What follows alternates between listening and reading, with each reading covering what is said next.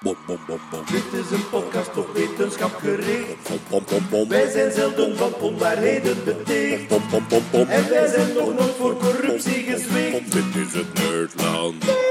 Maandoverzicht. Met uw gastheer Lieven Scheire. Een zeer goede dag iedereen, daar zijn we weer en we zijn met ontzettend veel rond deze tafel, dus ik stel gewoon heel snel iedereen voor. Stefanie Degene. Hallo. Jeroen Baar. Hoi. Marian Verhels. Hallo. Bart van Peer. Hallo. Hetty Helsmoortel. Lieven. Bart van Driessen. Eh, aangenaam. Kurt Beheij. Yes. En Peter Berks uit het verre Limburg. Hallo. Helemaal naar Gent gereden, speciaal om eh, gekke insectenweetjes en andere weetjes op ons los te laten. En natuurlijk Els Aarts aan de knoppen. Yay! Els, wat was er een enthousiasme over de geluidskwaliteit vorige keer. Goed, eh, Els knikt en glundert, dus dank u wel voor de compliment. Ik moet nu wel zeggen, ik had zelf de lat wel, ja, niet laag gelegd, maar begraven. Dus eh, wat dat betreft, zeer welkom. Goed, eh, laten we ons maar aan beginnen. Maar eerst eh, misschien het belangrijkste nieuw. Bart heeft een kindje. Oh, Bart, hoe is het met je kindje? Eh, heel goed, ja. Ja, heel goed, hè. Kijk, Ja, roze wolk en zo? zeer roze wolk, Ja. ja. Ze is, ook, ze, ze is het hardste fan van Chinese buren. Chinese buur. Chinese buren, ja, daar moet ze het hardst mee lachen. Oké. eh, Dus dat, is- dat, is, dat is gewoon dicht bij je kleine komen en dan zo...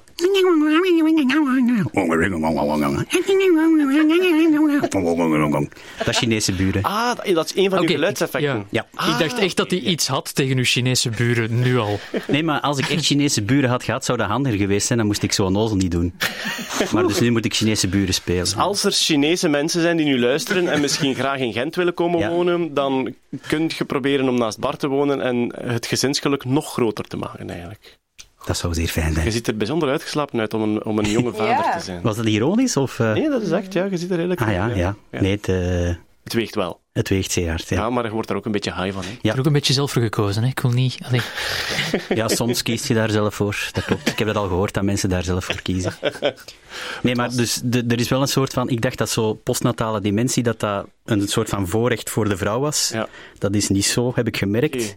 Dus als ik iets zeg vandaag en het hoort zin te maken, zal het dat waarschijnlijk niet doen. Ah ja, zo, zo zwangerschaps-Alzheimer. Ja. Zo, dat soort. eh, ja, Ja. oké. Voilà. We, eh, we gaan u in de gaten houden. Dank u En, daarvoor. ehm, goed, ik, ga, eh, ik wil niet eh, onrespectvol zijn ten opzichte van uw eh, mensenkind, Bart, maar ik ga dit toch in hetzelfde hoofdstuk plaatsen. Jeroen, wat heb jij een hond, zeg? Ik heb een hond. Want en, ik- ja. we wisten al sinds vorige maand dat jij een hond had, maar iedereen die u volgt op sociale media kan het ermee eens zijn. Miljard, ik heb nog nooit iemand zo een hond zien hebben als jij. Ja, maar hij heeft mijn Instagram-account overgenomen. Ik Ah, vond zelf Instagram vond ik niet fijn, omdat dat is niet chronologisch, dat niet alleen maar voor producten te promoten.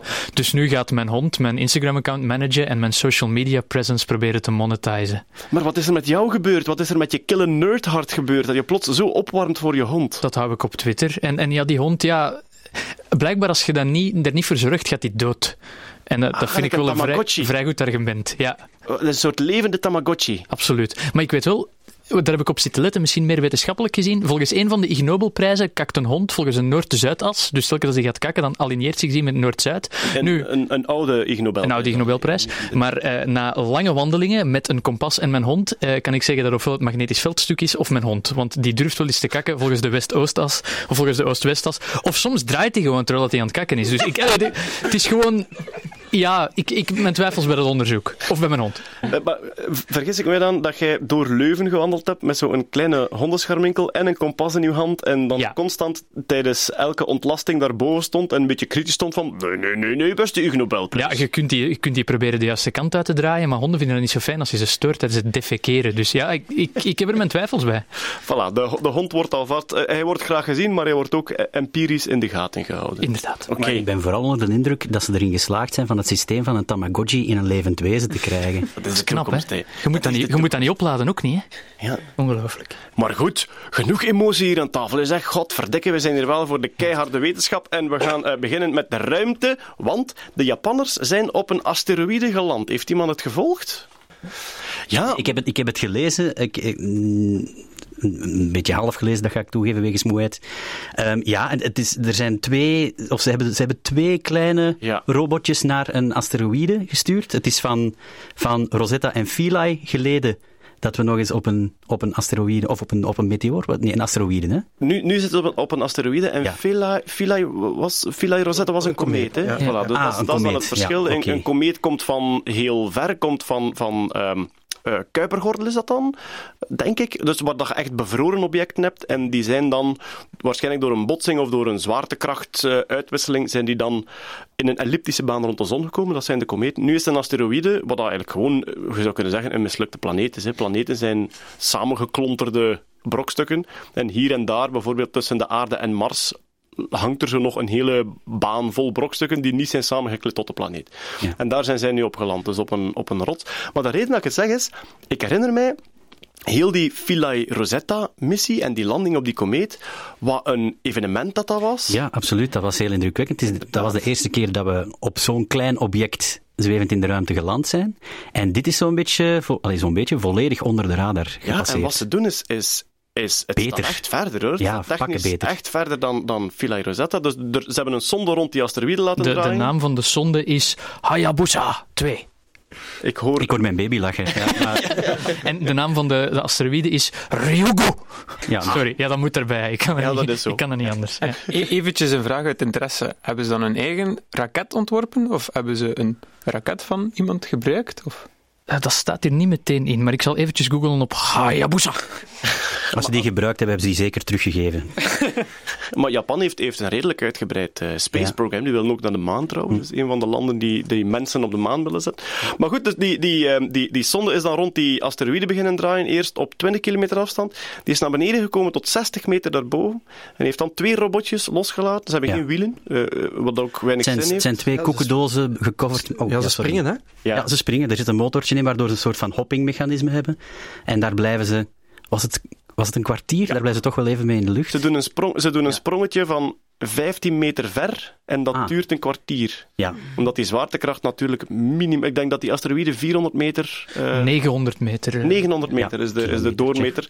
Dus ja, van, van zwaartekracht is dat, vind ik het zelfs verwonderlijk dat je op een kwartier terugkeert. Ik zou denken dat je gewoon uit elkaar vliegt. Maar, Ja. ja, en eh, ze, de, de robotjes zien eruit als een, een kaasbol vol zonnepanelen Ja. en met een camera ingepoefd. Dat is het eigenlijk. Zo'n koekendoos, hè, zo'n oude koekendoos, vol met zonnepanelen. Het zou gelanceerd zijn voor, met een Japanse M5-raket. Dus, dus Oh, de niet- M5. geen, geen uitgeleende dingen. Zegt het JAXA, dat is blijkbaar het, de Japanse NASA. Ah, dus ja. voilà. En Ik bedoel, JAXA! ondertussen is er ook al, ondertussen is er ook al een Frans-Duits extra dingetje opgeland, een derde, een mascot heet het. Ja. En dat is echt een vierkant dozetje met zonnepanelen. En dat kwam met dezelfde zonde? Uit dezelfde zon, ja. Dus de twee robotjes van de Japanners, eerst de verkenning en dan de Frans-Duitse. Lap, de Duitsers en de Japanners zijn weer aan het samenwerken. Oh my god. Het volgende wat ze gaan laten landen, dat is zo een soort van plastic bal waar dat vormkes, uitsparingen in zitten. Dat zou tof zijn als die, als die asteroïde die vorm heeft. Stel je voor dat we zo'n asteroïde ontdekken. Er hangt een asteroïde met zo'n vierkante uitsparing, een kruisjesuitsparing. En opeens weten wij als aardbewoners wat het universum van ons verwacht. Er, za- er zaten vier, vier wagentjes in dat ding dat ze hebben afgeschoten. Dus de, de mascot, de Frans-Duits, allee, mascotte. En dan rover 1A, rover 1B en rover 2. Het is, ik denk dat ze twee van die rovers gedeployed hebben nu, maar ik Ja, maar het is, eh, het is momenteel echt aan de gang. Eh, ze hebben één rovertje laten landen vorige week, het andere is gisteren geland, denk ik. Die operatie is volop bezig en ik zeg het, eh, het verwondert mij hoe onderbelicht dat ze is. Dus iedereen met interesse in ruimtevaart, het is de moment, zoek dat op en volg het, want het is echt zo een van die... Van die ehm, operaties die je ook op Twitter en op de websites kunt volgen, die live gebeurt. Je krijgt foto's binnen van die asteroïden. Allee, ik, vind, ik vond het gek dat er, dat, dat er zo weinig om te doen was. Ehm, goed, we gaan straks nog terug naar de ruimte, denk ik. Maar eerst toch ook iets waar ik bijna van naast mijn stoel ging gaan zitten. Ehm, we zijn er, Hetty, in geslaagd om menselijke eicellen te maken uit bloed. Ja, uit eh, menselijke bloedcellen. Eh, nog niet helemaal. Het zijn eh, immature eicellen die ze gemaakt hebben. Maar inderdaad, hè, ze vertrekken van menselijke bloedcellen. Ze herprogrammeren die eigenlijk tot zogenaamde induced pluripotent stem cells. Dus geïnduceerde pluripotente cellen. Die eigenlijk, ja aangezet worden of, of aangemaand worden om terug pluripotent te worden, om terug te kunnen dan te gaan differentiëren tot verschillende soorten cellen. Kunnen heel die, heel die stamceltheorie zit al lang in een stroomversnelling. hè. Er worden gigantisch veel ontdekkingen van gedaan. Dus om het te duiden, ehm, elk van onze cellen hebben een specifieke functie gekregen. Ehm, oorspronkelijk komen die, en goh, nu moet je mij verbeteren. Hè. De meeste cellen komen uit een soort stamcel, maar een stamcel die niet meer alles kan, maar die alleen bepaalde cellen kan aanmaken. Ja, en we beginnen met embryonale stamcellen, die eigenlijk nog, nog bijna alles kunnen worden. En dan beginnen die stilletjes aan te differentiëren. En dan komen we inderdaad, ik ga het nu niet helemaal uit de doeken doen, maar tot een aantal types cellen die nog een beperkt aantal soorten cellen kunnen worden. Die zijn dan nog pluripotent, niet meer toti of omnipotent, maar pluri. Die kunnen nog veel, maar ze kunnen niet meer alles. Ja, die namen zijn ook Ja. wel... Want ik heb, ik heb ooit met ehm Katrien Verfaye Ja. heb ik ooit geïnterviewd over stamcellen. En inderdaad, omnipotente, pluripotent pluri en totipotente, dat zijn geweldig belangrijke verschillen. Maar als je dat de eerste keer hoort, weet je niet meer welke dat er meer kunnen dan anderen. Hè. En als je dan tegen een omnipotente cel een pluripotent, dan zijn die kwaad. Hè. Ik denk dat anders potent is tegenwoordig.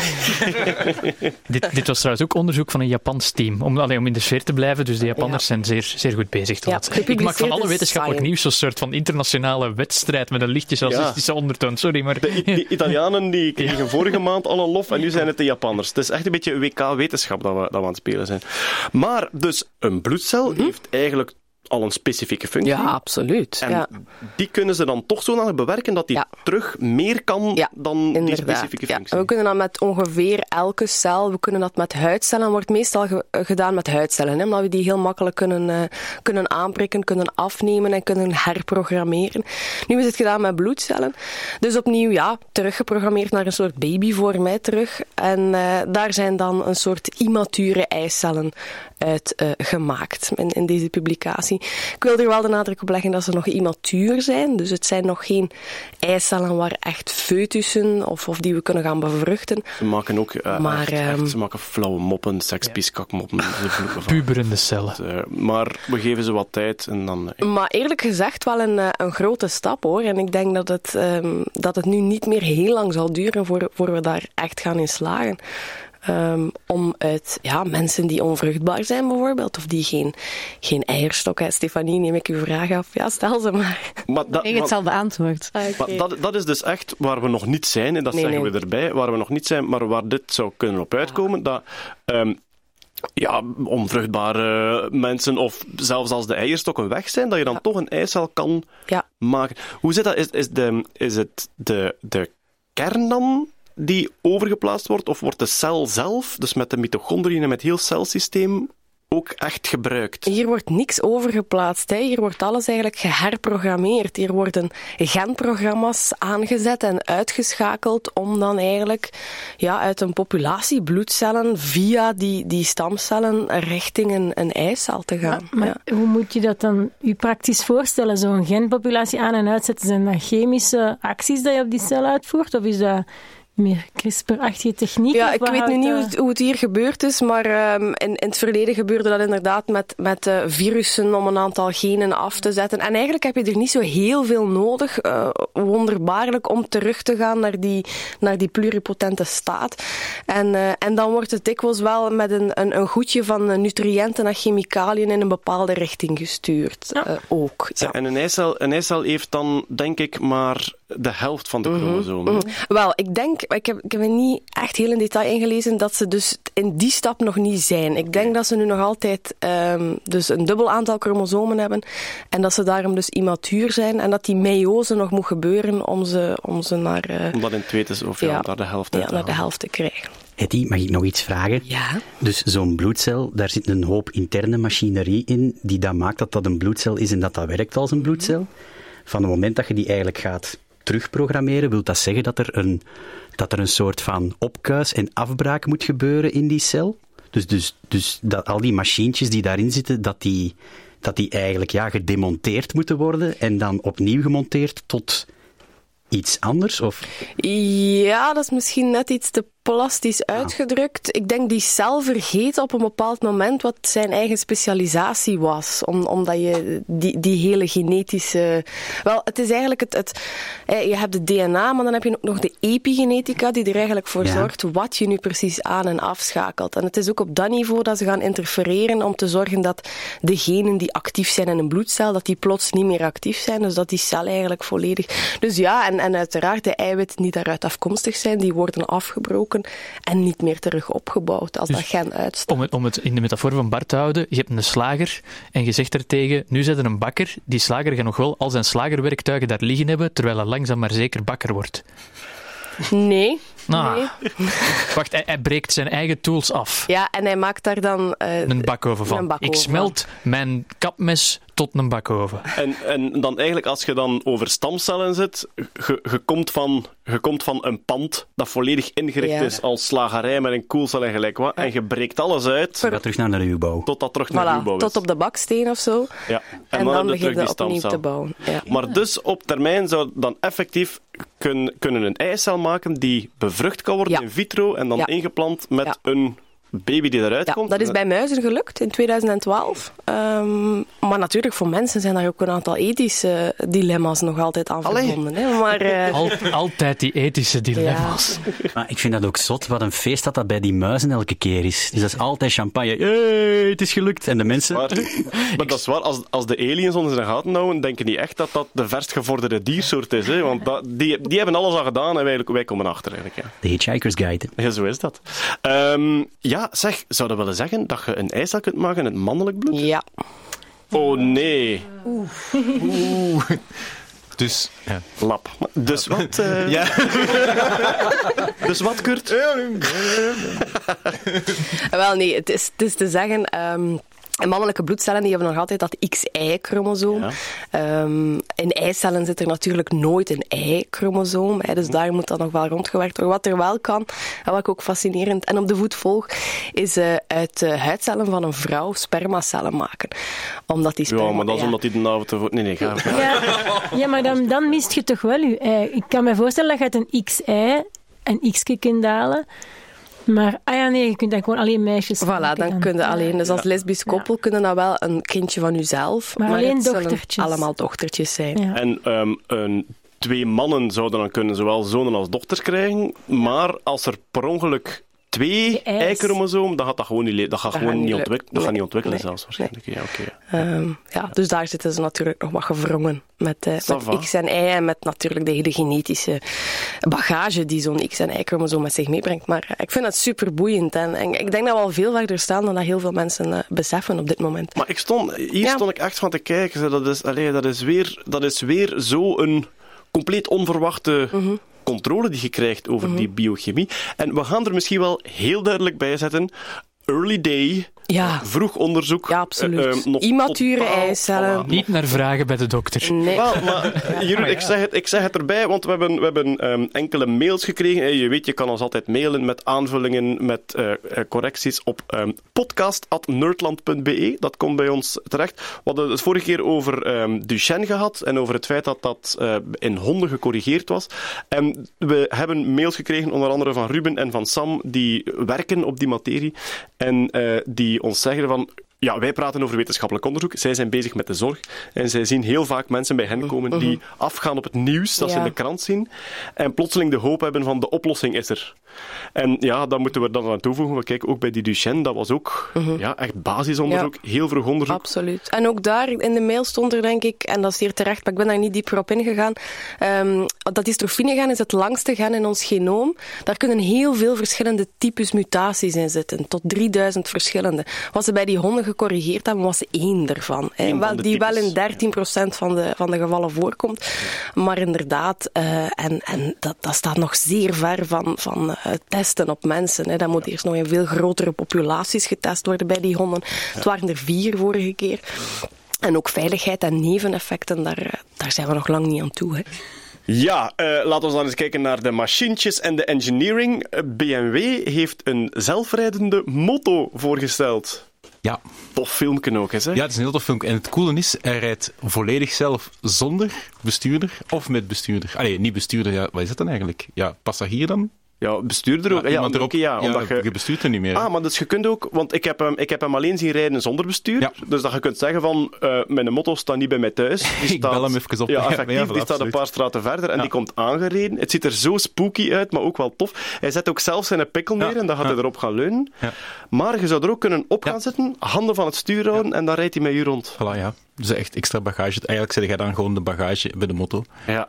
En kan die even snel, kan die even snel reageren als een, als een eh, menselijk Ja, bestuurder? dus het, is, het is puur in test nog. Ik heb niet de details gezien van hoe snel het hem reageert, maar hij valt al niet om. En dat is Ja. al voor de motto. Maar ja, hoe wel blijft, een die, beetje hoe blijft die in evenwicht? Ja, Want heel, heel veel staat daar niet op, hè, van Het extra... is echt een filmpje van dat, er- dat Maar ja, gewoon zelf die- maar het is gewoon magisch om Sinds te die, zien al, ja. sinds die accelerometers... Ja. Eigenlijk, accelerometers hebben drones, hebben quadcopters plotseling mogelijk gemaakt, hebben segways mogelijk gemaakt en, en dit nu ook. Hè. Het feit Ja, dat je heel snel kunt Maar corrigeren. wat hier wel scary is, als je daar als passagier, oh of bestuurder, maar dan niet echt, hè, passagier op zit. Als je normaal een motor rijdt, gaat het toch je gewicht smijten naar bepaalde kanten. Moet je dan nu meewerken of gaat je dat wel forceren? Eh, Maar, maar dat is ding, als je, ik rij met de motor bijvoorbeeld, en als je een passagier bij je hebt, dan zit jij als bestuurder ook aan het extra corrigeren voor wat dat je passagier Ja. doet. En ik denk Ja. dat die motto dat gaat doen voor u dan als, ja, als bagage. Hè.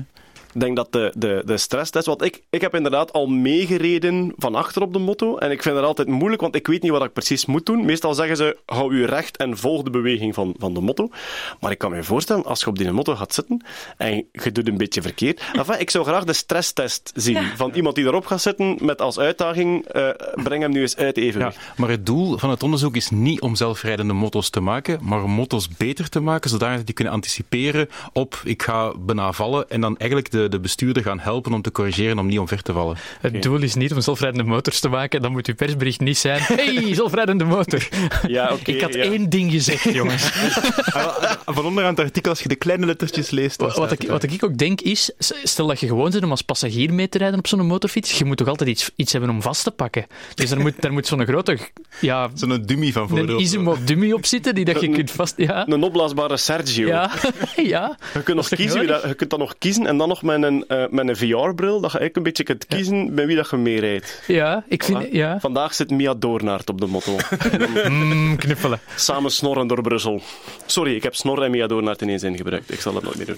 Ehm, Dat is barones Mia Doornaert voor jou. ja, ja, ja.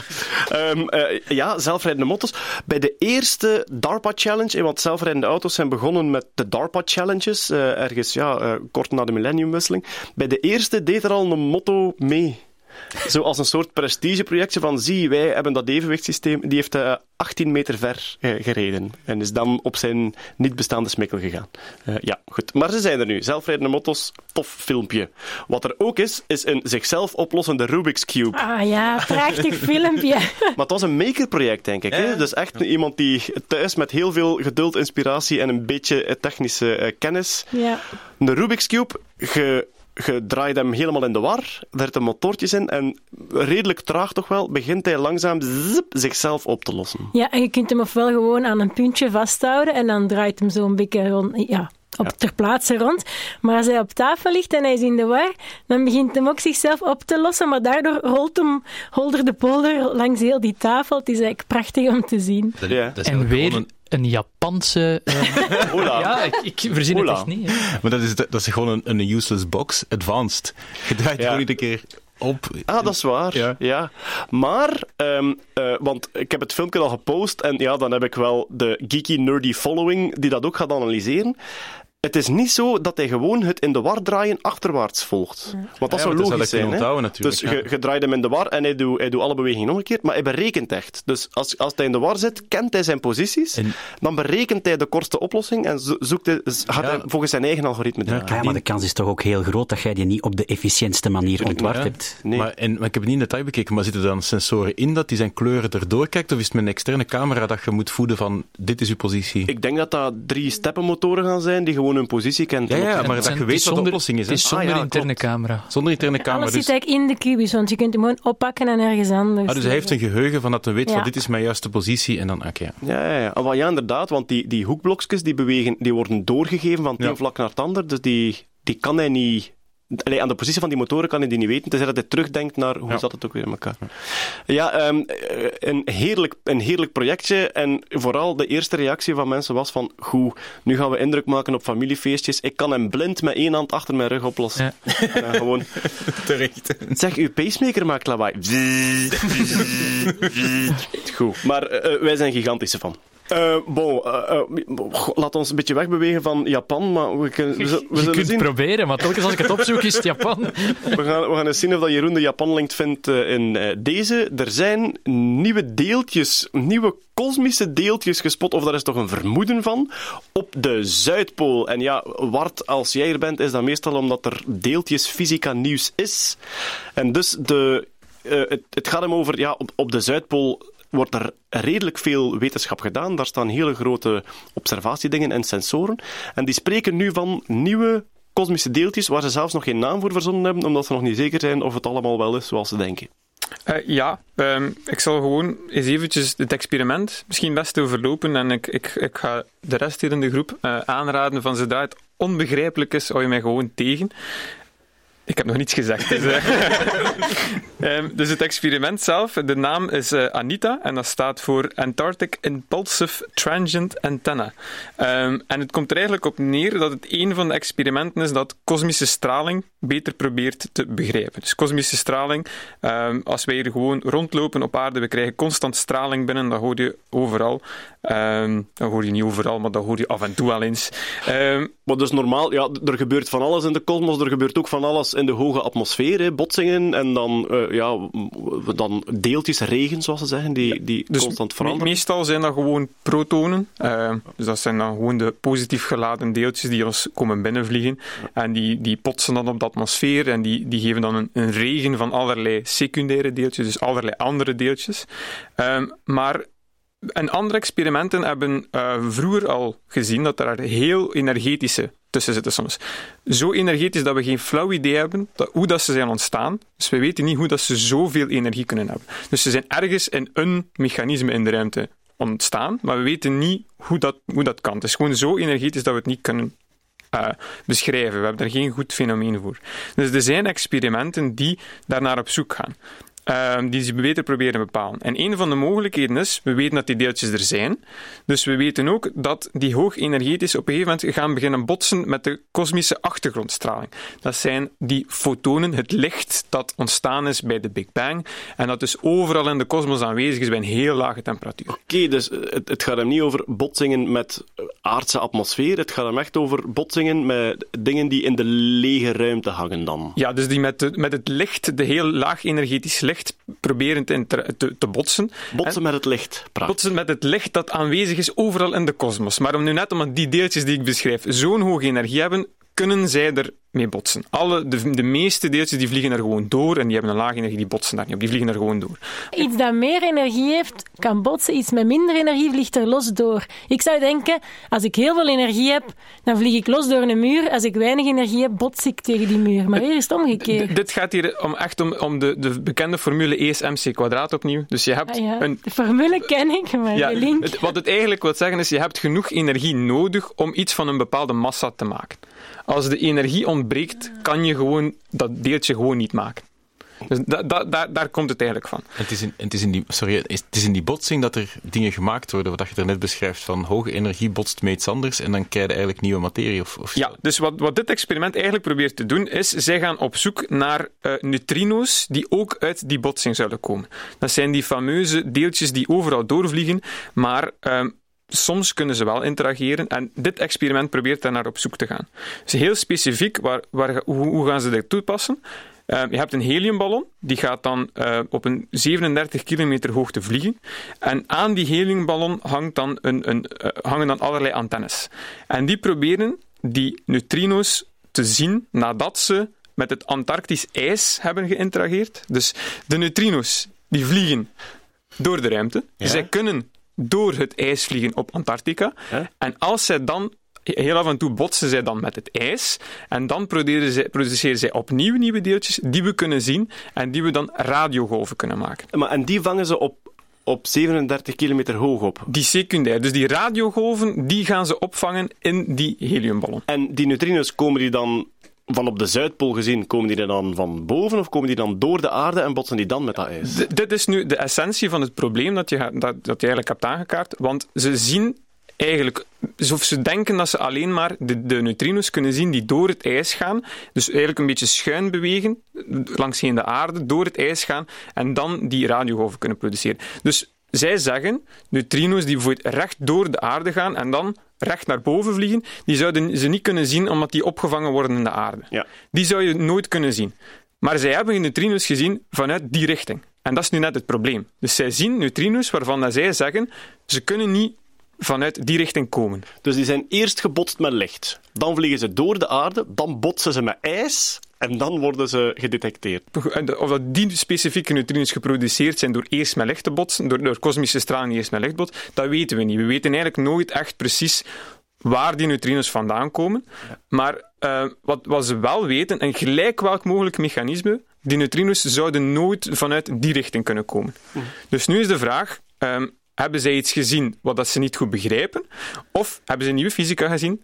Ik ben van het kamp, ze hebben iets gezien dat ze niet zo heel goed begrijpen, maar dat is mijn kritische ondertoon. Maar dat is, eigenlijk de volgende, dus dat is eigenlijk de volgende stap. Ze hebben iets gezien wat ze niet kunnen verklaren. Altijd tof in de wetenschap, want dan hoop je dat je op nieuwe theorieën stuit. Maar fase 1 is dan...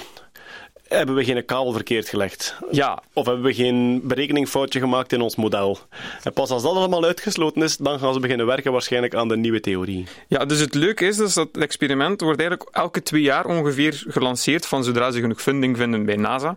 Eh, maar ze hebben al eens zo'n zo'n ehm, deeltje gezien in 2006, maar dan hebben ze daar niet veel belang aan gehecht en ze dachten dat zal wel inder- inderdaad een foutje zijn bij ons of we, kunnen, of we snappen het niet zo goed. Maar dan in 2014 zagen, er, ze- zagen ze er nog eentje. Ik heb een link met Japan gevonden. oh, Een Ik was aan het wachten. Ik was zo hard aan het wachten. Een van de eerste neutrino-detectie-experimenten was de, de Super Kamiokande. Kamiokande. Die, is, eh, die hebben ze neergepoot in, in eh, Japan, neer, eh, bij de city van Hida, in het Gifu-prefectuur. Ja, iedereen kent Japan. Eh, en daar zijn eigenlijk een van de eerste neutrino's gedetecteerd. Dus, eigenlijk een beetje de, de grondlegger voor, voor alles hier. U- Dus uw, link, Japan. uw link met Japan is, ze zoeken neutrino's. Japan heeft dat ook eens gedaan.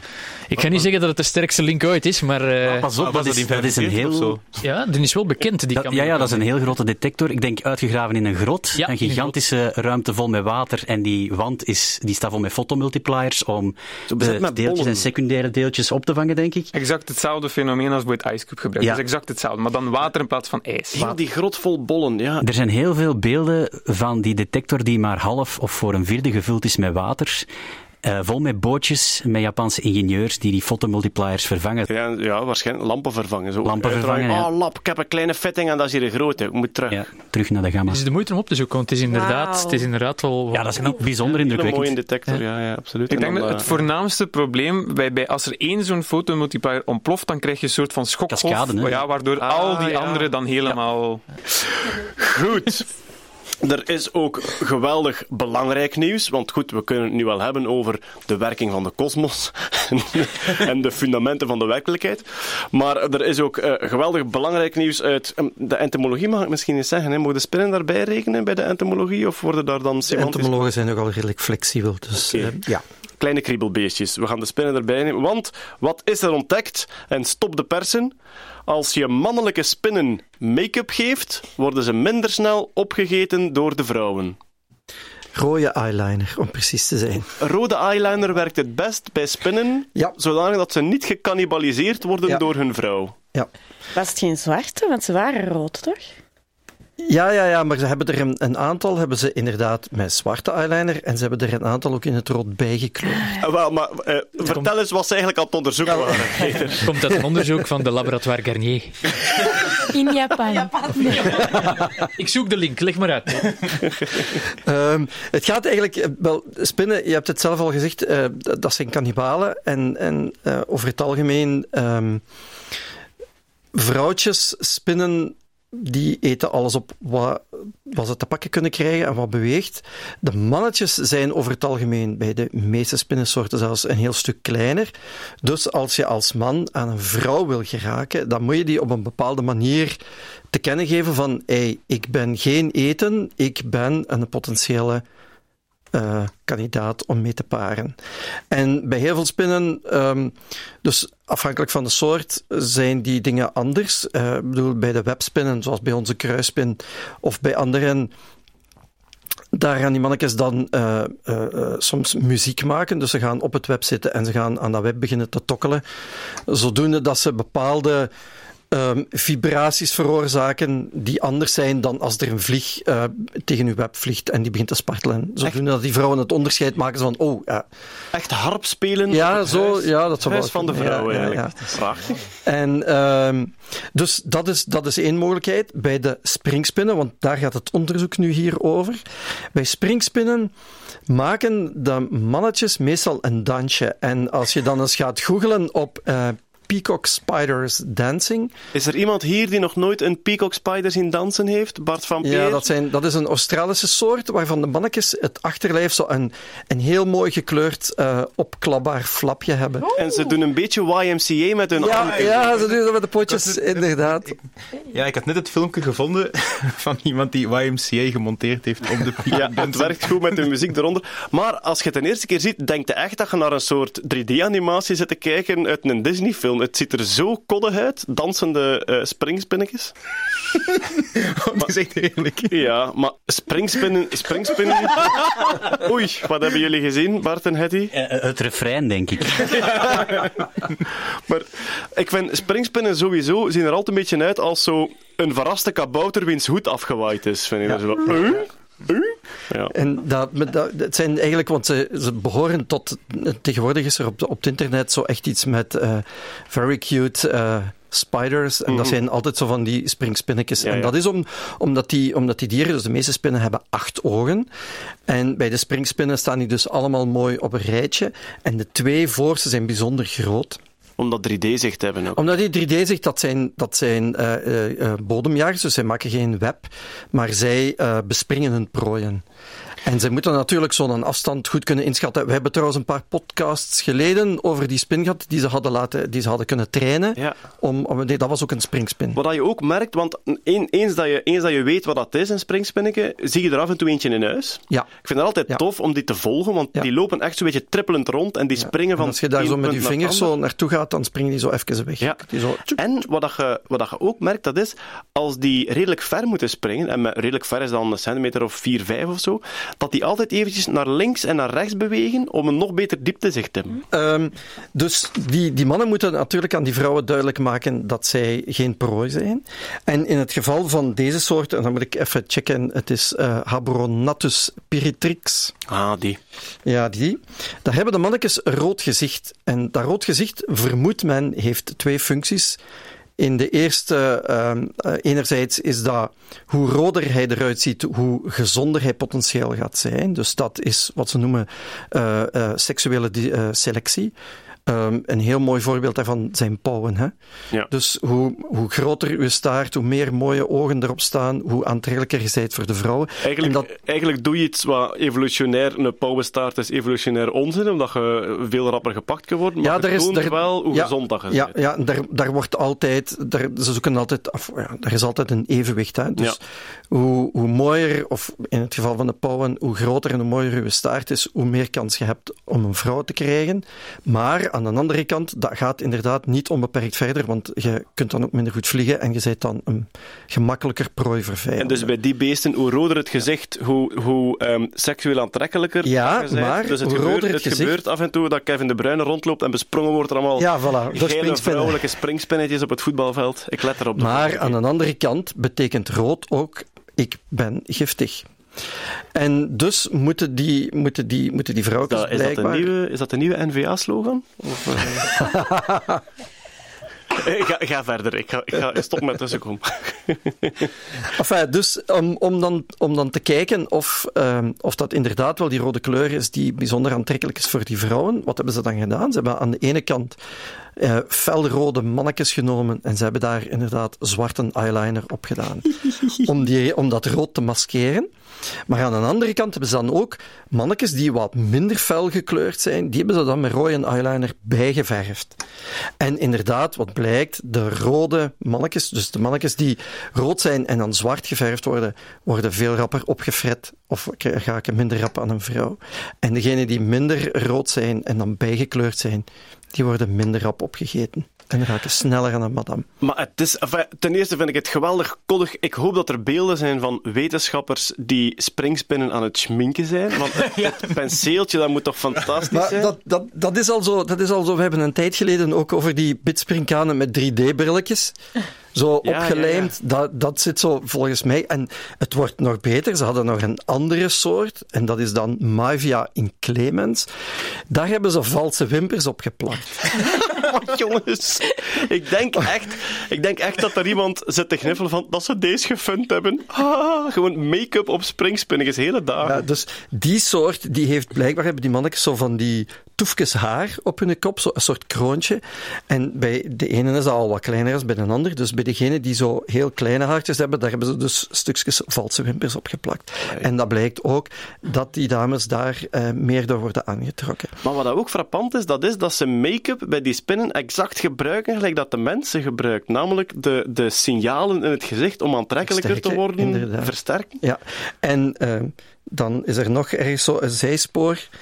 Ehm, blijkbaar van die tweede soort gaan die mannetjes, gaan die vrouwen dus blijkbaar niet alleen op die toefjes haar af, maar verkiezen zij ook mannetjes die mooi dansen. En die mannetjes hebben dus een zwart-wit patroon op hun pootjes. Je hebt het daar juist op dat filmpje gezien, dus die, die doen die, die YMCA.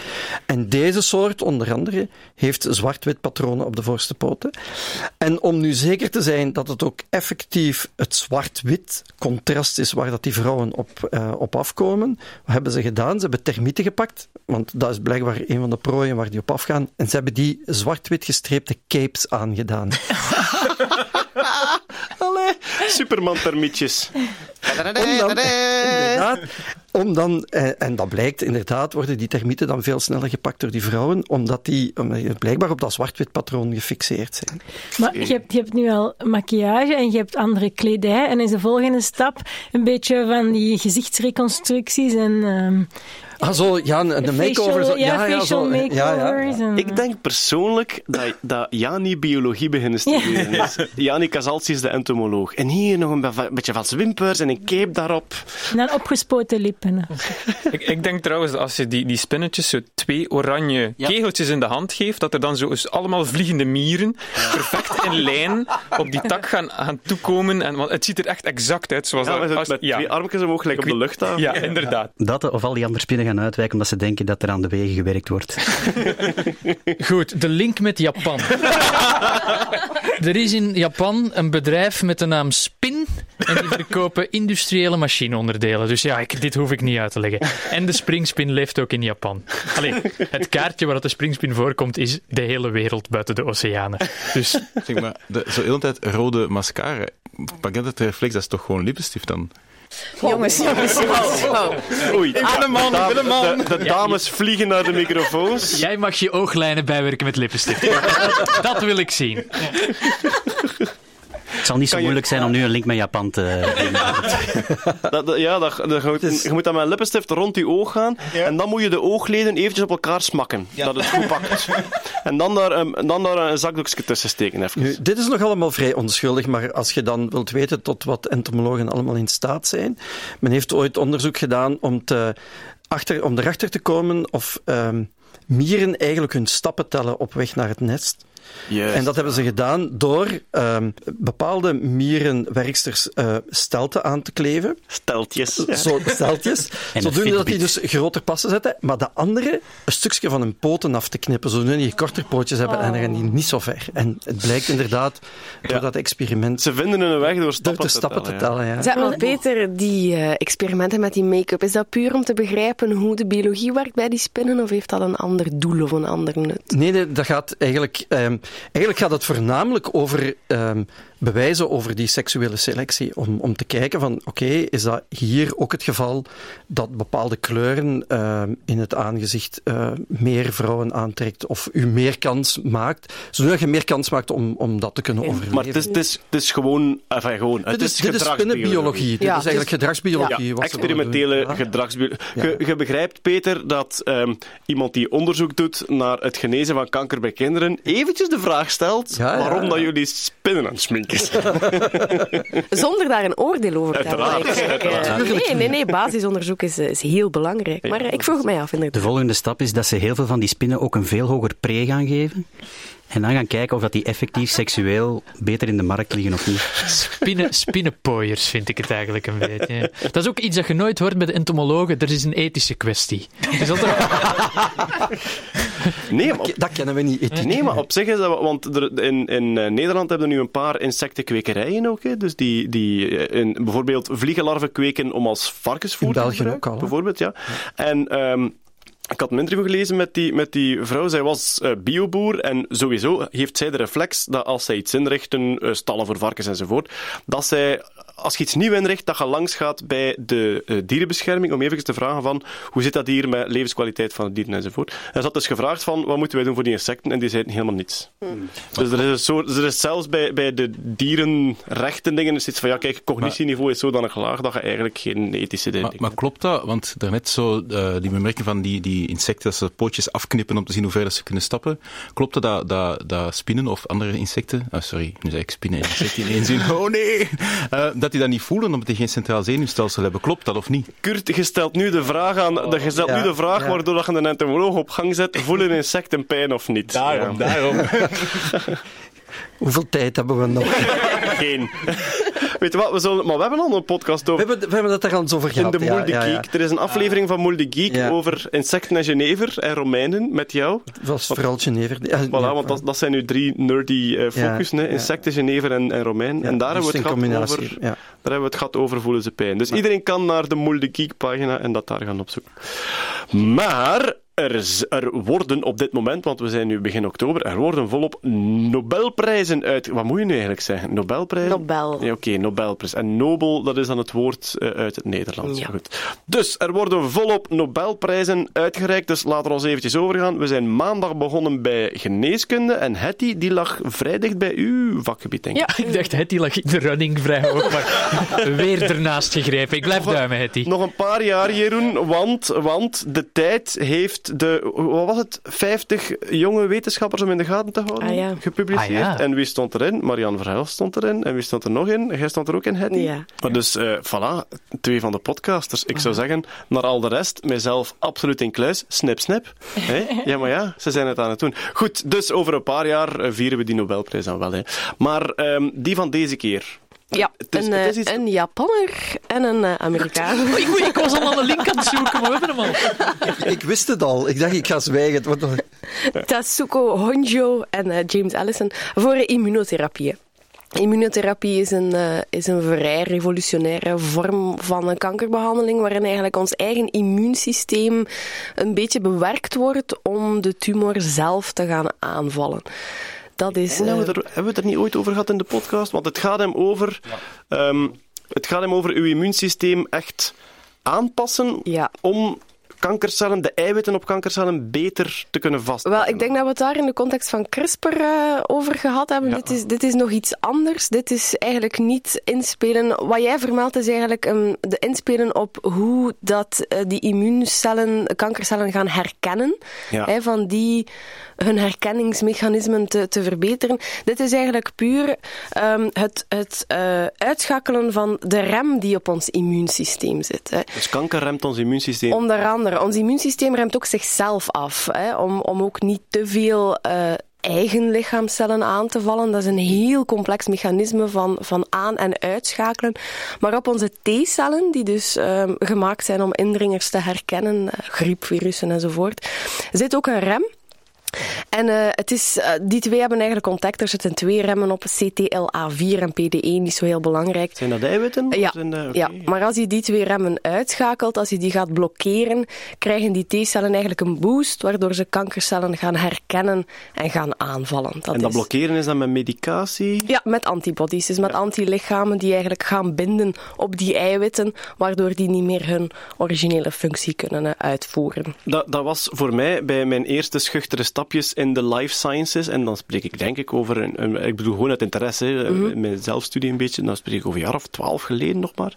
Het, het feit dat medicijnen heel vaak dan moleculen zijn die op een juiste manier in een eiwit klikken, waardoor dat die functie wat verandert. Fantastisch, hè? voor Ja. mij was dat echt een gigantische verrassing. Dat dat echt een soort een onwaarschijnlijk complexe Tetris-puzzel is. En als je het juiste blokje inneemt in de vorm van een pilletje en via je bloed klikt dat op het juiste punt, dat u, zoals nu dus, uw immuunsysteem efficiënter uw eigen kanker Exact. aanvalt. Dat is super mooi gezegd van u. Ja. Dankjewel, je bent zo lief voor mij. Dit is iets, even een vraag van de man in de straat, dit is iets dat nu al wordt toegepast Ja, in wordt inderdaad gashuisberging. toegepast. Ja, en ook in het UZ in Gent. eh, Ah.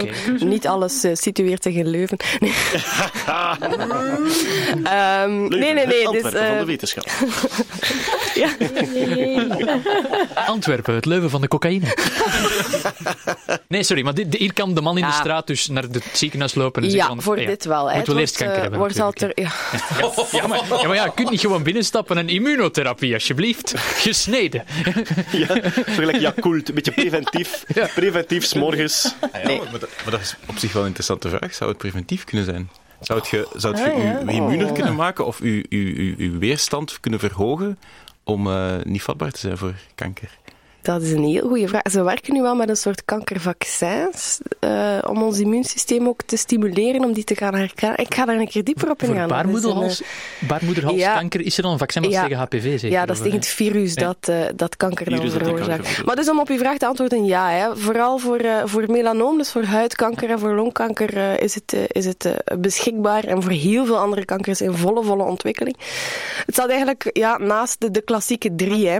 Je hebt chirurgie, waarbij een tumor weggesneden wordt. Je hebt bestraling, dus de radiotherapie, waarbij het weefsel bestraald wordt. En de chemotherapie, waar je met externe chemicaliën eigenlijk eh, die kankercellen gaat doden.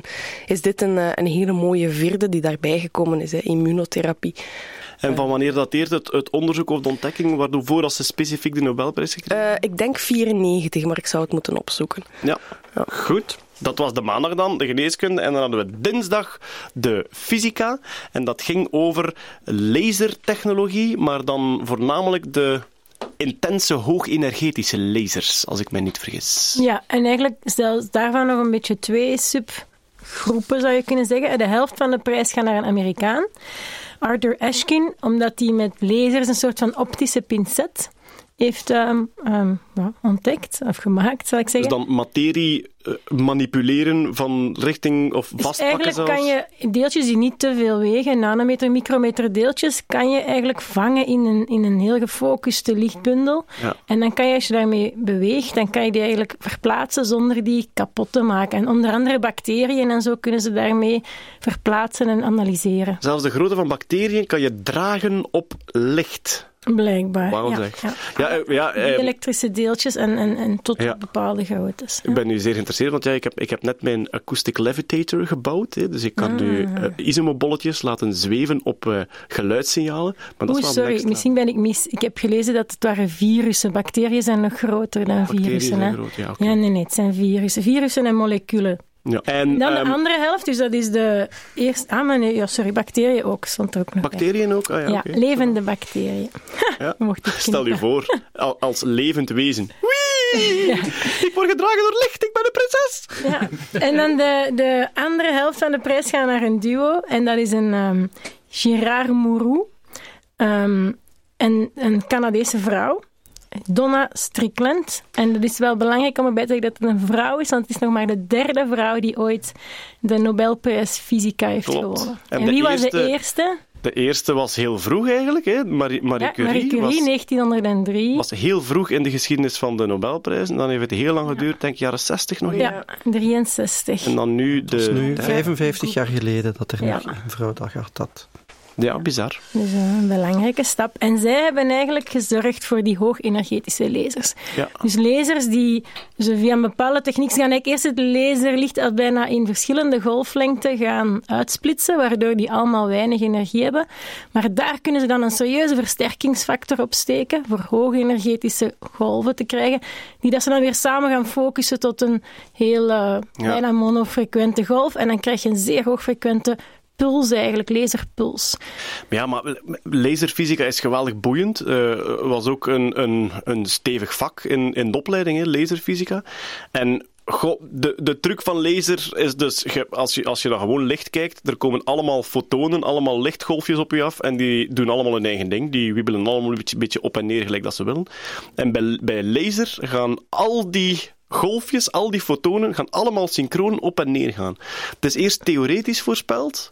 Um, en toen werd er weinig geloof aangehecht. Ten eerste of het theoretisch klopte. Ik denk dat Einstein er zelfs mee bezig geweest is.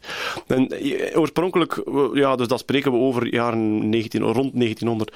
Um, waren ze aan het twijfelen van, klopt dat hier allemaal? Um, en daarna dachten ze, dit gaat nooit uh, realiseerbaar zijn in de praktijk. En dan dus, ja, door zo een, een laser kristal of een lasermedium te bouwen, waarin dat je um, energie voor die fotonen beschikbaar stelt. En alle keren als er een foton passeert, schiet er een ander foton mee in hetzelfde ritme. En dat is de grote truc. Een ander foton kiest voor het ritme van een dat al passeert, waardoor dat je op den duur, door die um, te laten weer kaatsen in dat laserkristal heen en weer, komen die eruit als een soort schone bundel. En het grote probleem blijkbaar bij die hoogenergetische lasers was dat dat laserkristal wat je dat maakt, gewoon die energie niet meer aankomt. Dat dat gewoon ja, te veel energie ja, is. En daarom ze dat nu uitsplitsen in verschillende golven die je in parallel gaat versterken ja. en weer samen. En dan samenkomen ja. tot een grote energetische bundel. Ja. En dat dingen verplaatsen met die lasers, gaat dat, kunnen we daar nog in, in evolueren in grootte? Want als ik me niet vergis, is dat de technologie van de tractor beam, hè? De tractor de beam. tractor beam in Star Trek. Uh, ah, Star Trek, oké, okay, ja. Star Trek zeg je het erbij als je van fictie naar realiteit omspringt en terug? als dat echt moet. Als dat echt moet. Hoe dat het, het, het is eigenlijk... Die, maar ik kijk hier naar andere fysici in de zaal, maar het komt er volgens mij op neer dat je dat licht uh, je krijgt een soort van elektrisch veldgradient in, in je laserbeam, zal ik zeggen. En een deeltje dat dieelektrisch is, dat dus een bepaalde, zich graag in een bepaalde richting zet in die gradient, kan je dan eigenlijk vangen in een soort van focuspunt van licht. Maar natuurlijk, als je zwaardere deeltjes wilt hebben, moet je een groter elektrisch veld krijgen daar. En of dat dat kan, dat weet maar, ik. Ik denk om, om, om, om met licht een, een, om enkel met licht een elektrische gradient te creëren op, het, op de grootte van een mens, is gewoon sowieso, daar, daar heb je al iets anders voor nodig. Want, want uw, uw frequentie van uw licht en zo is allemaal veel te. Ja. Gewoon ter verduidelijking, nu gaat het over de, optical, uh, die optische tweezers. Ja, ja, ja, ja, de pincetje. Ja. Ja. ja. Nu, interessant aan dat tweede deel hè, van die, um, die, Amerika uh, die Canadese vrouw en die uh, Fransman, is eigenlijk dat dat heel vaak gebruikt wordt, onder andere bijvoorbeeld om die ooglasering te doen. Ja. Dus je krijgt eigenlijk hele fijne pulsjes, laserpulsjes, waardoor je veel scherper door iets kan heen snijden. En je, je kan dat bijna voelen als, of ik vergelijk dat wat met, als je met de auto heel brusk remt, dat gaat niet goed, maar als je ABS-systeem dat doet tak, tak, tak, tak, tak, tak, ja. dat doe je eigenlijk met die laserpulsjes ook. Je snijdt heel fijn in kleine hapjes, tik, tik, tik, tik, tik. En dat gebruiken ze onder andere in die oogchirurgie. Stond er inderdaad bij voor, voor, voor de vraag van is het zuiver theoretische, uh, is het zuiver theoretische fysica of even toepassingen? De laserchirurgie was onmogelijk zonder, uh, zonder deze ontdekking. En um, uh, Ashkin, dus de Amerikaan van, van het pincet, die had lang op zich laten wachten om te reageren of zo, Wart, wat was dat? Ja, hij heeft, heeft eigenlijk geen interview willen geven. En uh, daar werd dan ook gevraagd door, door mensen van de pers aanwezig waarom dat er geen interview was. En uh, de reden daarvoor gegeven is dat hij nogal druk bezig was met zijn publicatie. maar de wetenschappelijke wereld weet eigenlijk al een beetje langer dat uh, nogal een beetje gefrustreerd rondloopt, omdat hij eigenlijk verwachtte in 1997 al een Nobelprijs gekregen te hebben voor lasercooling. Hij is daar niet in vernoemd geweest en hij, hij is nogal chagrijnig daardoor. Dus hij is erin geslaagd om op 96-jarige leeftijd, dus trouwens de oudste Nobelprijswinnaar ooit, hij is erin geslaagd om op 96-jarige leeftijd toch nog als een oude chagrijnige man over te komen in plaats van als een Nobelprijswinnaar. Met de arm gekruist. Ik wil helemaal niet meer. Maar het is een beetje geroddel in de wetenschappelijke wereld, maar het is een beredeneerde roddel. Oké, maar wat, wat dat betreft, ehm, ehm, op, op CERN, als ik op bezoek was in CERN, heb ik daar ook zo gewabbeld met de Vlaamse onderzoekers. Blijkbaar de rivaliteit tussen de topwetenschappers op CERN, dat neemt soapachtige proporties aan, hè, tot, tot en met elkaars experimenten saboteren. En zo. Dus allemaal de Nobelprijs willen Ah, wel, maar daar- maar ja. Op CERN heb je er redelijk wat Ja. rondlopen die aan de Nobelprijs hebben. En zelfs die gunnen elkaar het succes niet. Dat is echt zo'n soort... Blijkbaar, blijkbaar komt, de, net zoals bij voetballers of zo, de drive om op dat niveau te komen, komt blijkbaar ook voor een groot stuk uit ego. En dan denk ik dat de mensen die heel gedreven zijn door de wetenschap, maar heel dat machtspelletje niet willen spelen, dat die ook een onderzoek doen, maar buiten de schijnwerpers, of dat die de macht dan niet claimen om hun experiment door te drukken. Maar om dan een, een knuppel in het hoenderhok te gooien, dat is toch ook de reden waarom er zo weinig vrouwen een Nobelprijs krijgen. Dat zou heel goed kunnen. Maar en die hele personencultus van die Nobelprijs, allee, kijk nu naar de anderen rond tafel, dat klopt toch totaal niet meer met de manier waar dat wetenschap op de dag van vandaag gevoerd wordt. Dat is toch groepswerk. En om dan één iemand daarvoor te honoreren, is dat niet... Ah, ja, ja.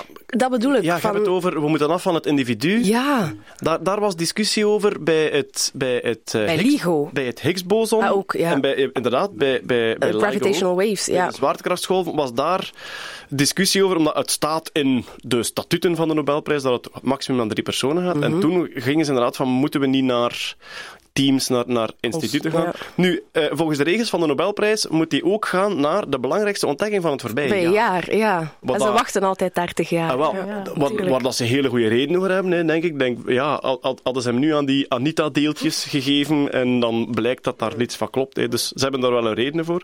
Maar mm, ja, inderdaad, de, er zo personen uitlichten wordt hoe langs zo moeilijker waarschijnlijk. Hè. Of je komt dan uit op de, op de zilveren gorilla's die zichzelf naar boven Voilà, eh, gestampt hebben. Ja.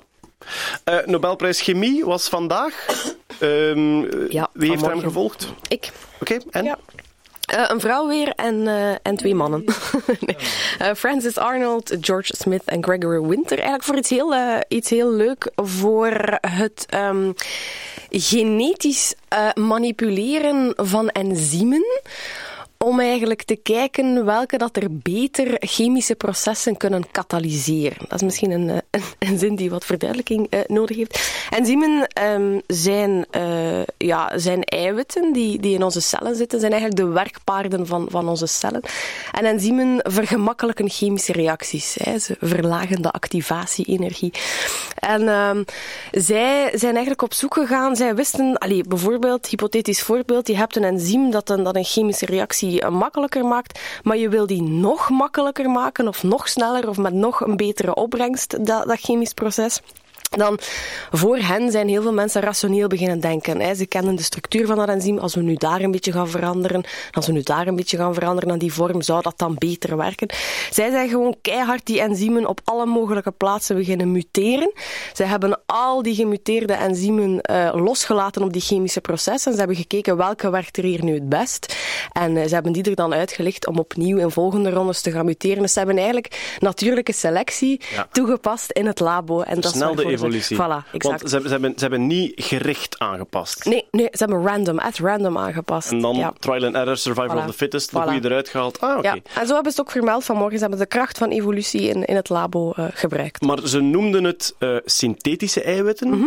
In, in welke mate... Enfin, bij synthetisch dacht ik aan, ze hebben dat dan echt zelf, de aminozuren, samengepuzzeld op een chemische manier. Maar Nee, ik denk synthetisch omdat het, ja, omdat het gemanipuleerd is, omdat dit niet in de natuur voorkomt. En ook van, je kunt ofwel vertrekken van een bestaand enzym en dat aanpassen, maar in een volgende stap zijn ze dan gewoon gaan denken, wij hebben hier een chemisch proces waarvoor we een enzym nodig hebben. Dan zijn ze dan gaan reverse engineeren om, om er een te vinden die, die goed werkt. Dus, eh, ja. En wordt dat gebruikt nu in, in de chemie en de voedingsindustrie? Ja, in heel veel. Hè. In, in eh, biofuels, in de generatie van heel veel geneesmiddelen, van heel veel eh antilichamen tegen kanker eh, ook. Ja, het, wordt, het, wordt, het is echt iets wat blijkbaar dan toch de mensheid Ja. heel hard vooruit geholpen heeft. Maar dat, is- dat is het schone eiwitten zijn eigenlijk nanorobotjes. Ja, hè? ja. Dat, dat zijn machientjes. Ja. Er zijn steeds, dat is trouwens een, een internationale ehm, eh, nieuw veld, dat is 3D-animatie van biochemische processen. Er zijn steeds meer animaties van eiwitten, hoe dat ze werken, die zeer accuraat zijn en heel mooi gemaakt zijn. Ik kan er uren naar kijken. Het zijn wandelende robotjes, het zijn robotjes die dingen vastpakken en twee knippen enzovoort. En dus eigenlijk zouden we kunnen zeggen, synthetische eiwitten, gebouwd nanorobotjes van een paar nanometer groot, die biofuels maken en die eigenlijk werk doen voor u. Op een, Ja. op een chemische... Ja, het is, het is chemisch en mechanisch door elkaar bijna. Ja. Het is, eh, ja. Het is boeiend. Oké, ehm, ja, Nobelprijzen die nog komen, die van de, van de literatuur komt niet, hè, want daar is een hele hoop gerommel. En dan die van de vrede, die komt wel nog. Hè, maar die- Vrijdag. eh, de- Economie? En economie. eh, ja, de economie, dat is eigenlijk geen Nobelprijs. Dat, dat, dat heeft een andere naam. Ah, Kurt, jij bent econoom van opleiding, zeker? Ja, ja, dat is geen exacte wetenschap, ik weet het, maar toch. Ja, ik weet het niet, ik weet het niet. Ik weet Wat, niet of- de- wat, Nobel, er is zo'n maar vorig prijs... jaar bijvoorbeeld was wel heel interessant. Er ging het over nudging. Ja, oké. Eh, een beetje sociologisch aspect ook wel. En Ja. dat was wel heel interessant. Dus. Ja, oké. Goed, eh, los van de Nobelprijzen zijn natuurlijk ook de Ig Nobelprijzen uitgereikt. Hoera! We hebben geen watchparty gehouden. Eh, we hadden het allemaal een beetje te druk. Maar wie heeft ze gevolgd en wat waren de tofste? Ik heb iets gezien over een solo-colonoscopie. Dus eigenlijk colonoscopie in de sitting position, dus terwijl je zit. Lessons learned from self-colonoscopie. Ah ja, maar inderdaad, de, de, de, Japanners, eh, de Japanners die gaan naar het groot toilet op hun hurken. En daar is een gigantische theorie over dat de positie van uw darm dan veel rechter is en dat dat veel gemakkelijker is enzovoort. Dus hij zal waarschijnlijk op die manier zichzelf onderzocht of geplezierd hebben. Dat gaan we in het midden laten. Stel je voor dat de spoed gaat en zegt van, oh, ik heb hem thuis al eens gekeken. Wacht, ik heb de foto's bij. ik, ben, ik ben ook wel fan van de chemieprijs. Dat is eh, meten van hoe goed menselijk speeksel werkt om een oppervlakte te kuisen. Oh! Dus Ja. eigenlijk alle, alle tantes en oma's van de Ja, jaren voilà. tachtig, die krijgen nu gelijk van, Isa, wacht, wacht, hier, wacht, dat vast is ver. En dan aan de Want het was beter dan detergent, hè, denk ik. Ah, ik heb de Ja. Prikkerrijk niet gelezen. Ja, ja, ik denk dat dat de. Dus Mr. was. Proper die moet gewoon bij u thuis komen en op de vloer spuwen. Die van, de, die van de geneeskunde ging naar het onderzoek hoe goed eh rollercoaster rides zouden helpen bij de passage van eh, nierstenen. En ik kan u zeggen, als ik kan kiezen tussen... Ik heb ooit nierstenen gehad. Als ik kan kiezen tussen wat dat ze geprobeerd hebben en vier dagen Walibi, ik zou het ook wel weten. Zeg, ik, ik bedenk me net, we hebben nog niet uitgelegd wat de Ig Nobelprijzen zijn. Voor Ah, de ja. mensen die het niet kennen, Ig Nobelprijzen worden, ik denk, een week voor de Nobelprijzen uitgereikt. Oorspronkelijk is, was dat een beetje bedoeld als een soort schertsprijs. eh, was dat een beetje een uitlachprijs, maar daar zijn ze eigenlijk volledig vanaf. Wat ze nu belonen is eh, onderzoek dat... eh, grappig is, dat eh, lachwekkend is, maar daar zit zowel onderzoek in dat nutteloos in, als zeer goed, degelijk onderzoek. Dus er zit totaal geen waardeoordeel niet meer in. De enige reden is, eh, de enige, het enige wat ze willen is, eh, het onderzoek moet u eerst doen lachen en dan aan het denken brengen. En eh, de Ig Nobelprijs voor de Vrede gaat meestal naar ja, exact het tegenovergestelde. Daar gaat iemand die iets geweldig lomp gedaan heeft. Dus ik weet niet wat er dit jaar een uitgereikt is voor de Ja, Vrede. het, ge- het ging over... ehm, Ah ja, de, de, Ja, mensen die vloeken in een auto als je aan het rijden bent. Eh, het meten van de frequentie, de motivatie en de impact van roepen en schelden tijdens het rijden met de auto. Oké, belangrijk. Die van de economie gaat over het belang van het gebruik van voodoo-poppen als je je baas haat. In hoeverre dat dat, dat, dat helpt bij het verwerken van... Die, die van de vrede van vorig jaar ging naar de eh, mensen die eh, leren didgeridoo spelen, die snurken minder. Oh, en dus de vrede tussen de Ja. koppels wordt eigenlijk wordt, eh, bevorderd. Ik herinner mij die, gaat dus drie uur gestopt is met die didgeridoo.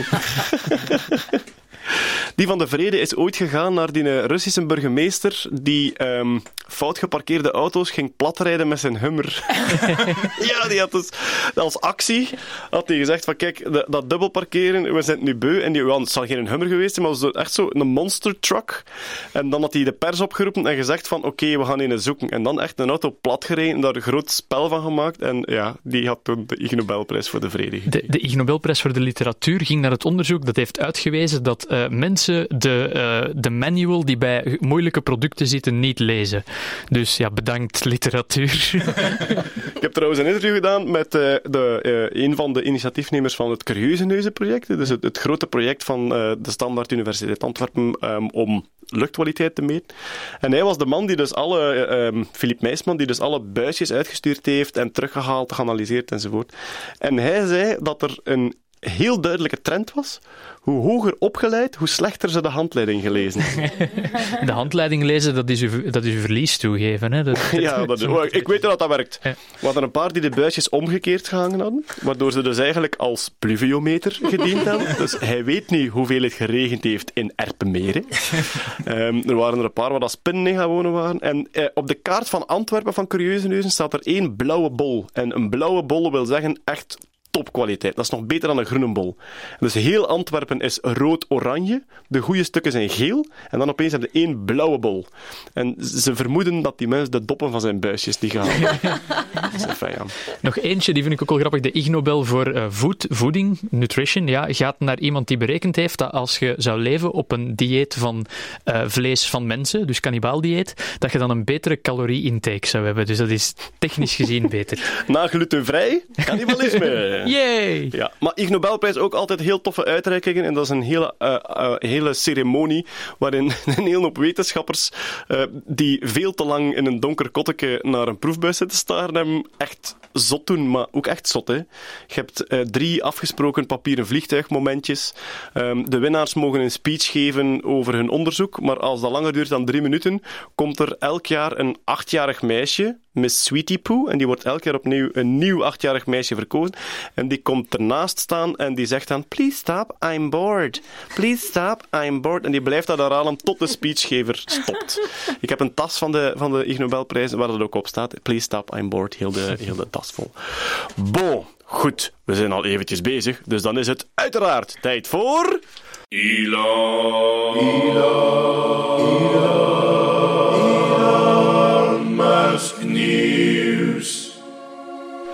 Ja, eh, de vorige maanden waren heftig. We, zouden we kunnen de indruk hebben dat er een ehm, begin van rehab is? Nu. Met in, in, de, in de staat van Elon. Ik denk dat hij deze maand minder, minder tot geen uitschuivers gedaan heeft. En dat zijn een beetje... Zijn Twitter-account wordt gemonitord, hè, nu? Ja, hij heeft een Twitter-sitter. Een Twitter-sitter. Dus iemand, iemand moet op zijn duimen kijken. Ja, blijkbaar een advocaat die, eh, die mee moet kijken. Ja. Oh, man. Ah, moet, dus verplicht. Ja, ja, dus, Oké. ja, ja, dus er is iemand die zijn tweets in de gaten houdt, omdat hij dus getweet had dat hij de aandelen ging opkopen, de beurs was gestegen, dat bleek illegaal te zijn. Hij heeft nu 20 miljoen, 20 miljoen dollar settlement betaald, zodat er geen rechtszaak van komt. En hij heeft nu iemand, maar stel je, hoe, hoe, zien, hoe, zien, hoe zouden de tweets van Jeroen Baart eruit zien als er een advocaat Een naast hem zat om te herformuleren? Hij heeft toch een hond nu tegenwoordig? Ja.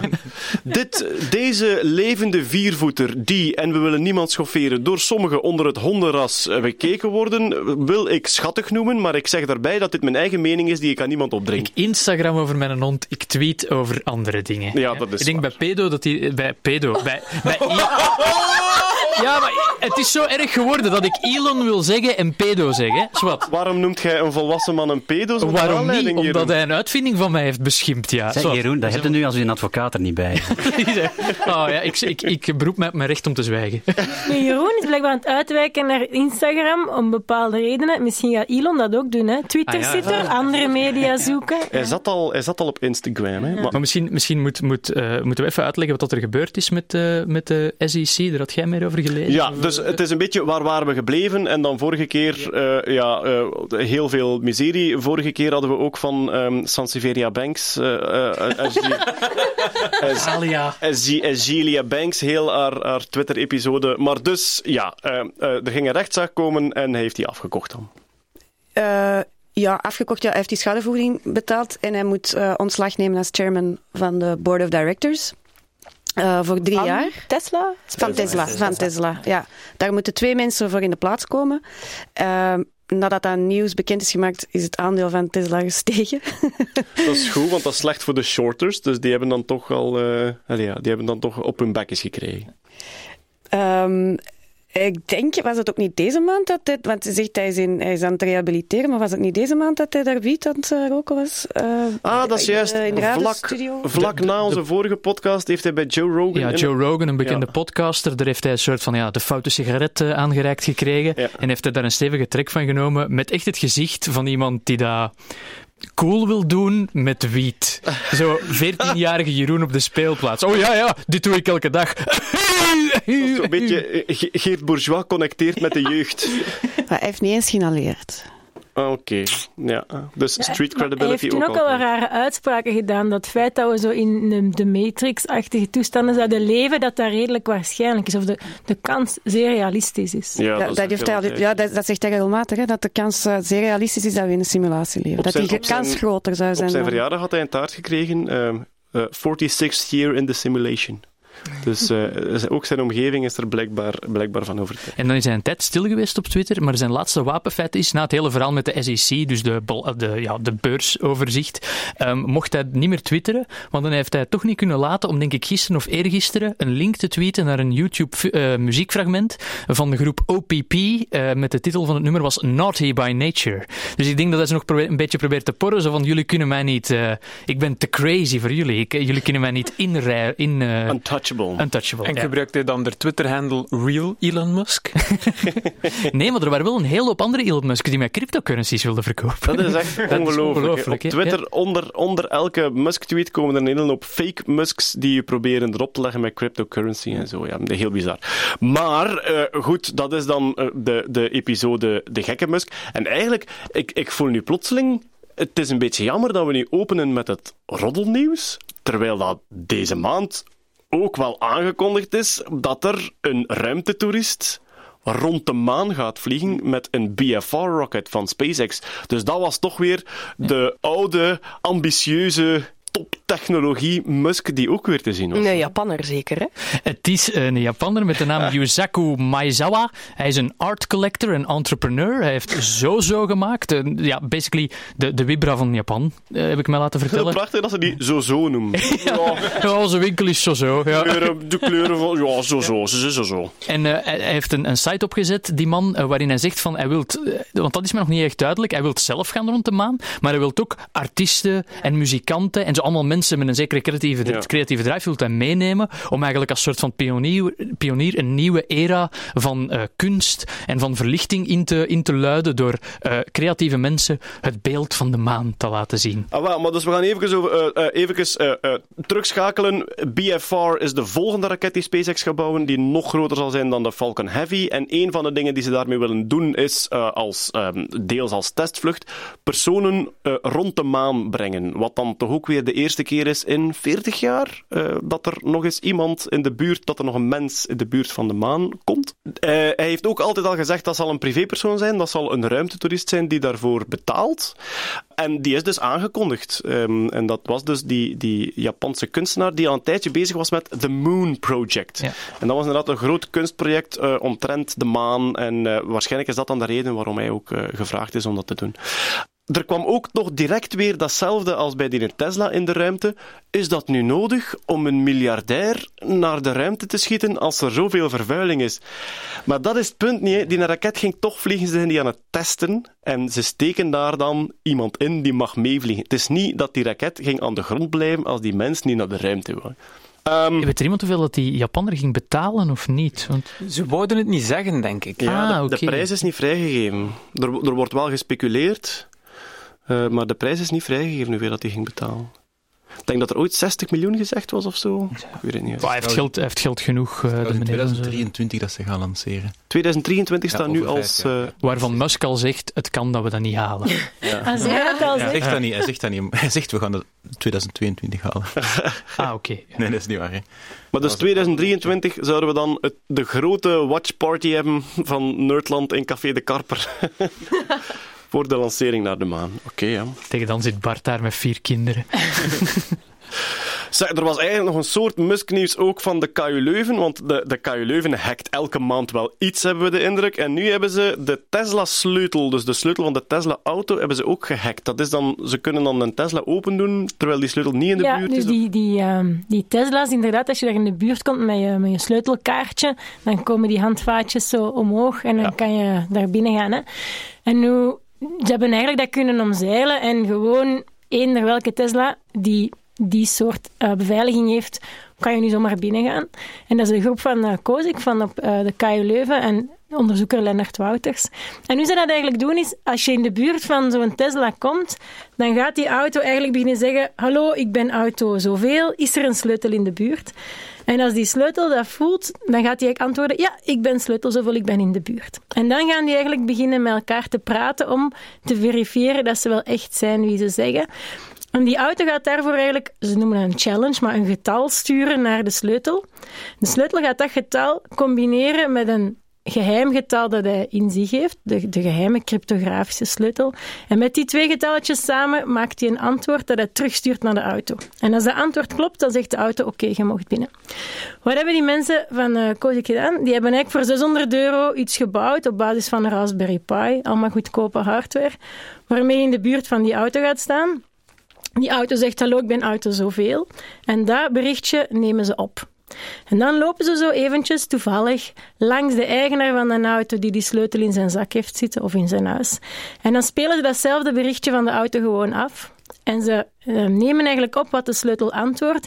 En ze sturen naar die sleutel dan ook zo'n vals vraagje. Zeg, antwoord eens op uh, met het getalletje nummer 37. Reken eens uit wat uw antwoord zou zijn. Dat doen ze twee keer. En op basis van die twee antwoorden gaan ze gewoon alle mogelijke geheime codes die in die sleutel zouden zitten proberen. Allee. En normaal gaat dat niet omdat ze die sleutels of die geheime data zo lang maken dat er te veel mogelijkheden zouden zijn. Ja. Maar in de Tesla zitten blijkbaar nog kaarten die maar 40-bit geheime sleutels gebruiken. En met die 40 bit, dan heb je 2 tot de 40ste mogelijkheden. Dat is eigenlijk niet genoeg om niet meer gewoon door te kunnen rekenen. En ze doen wel een slimme truc.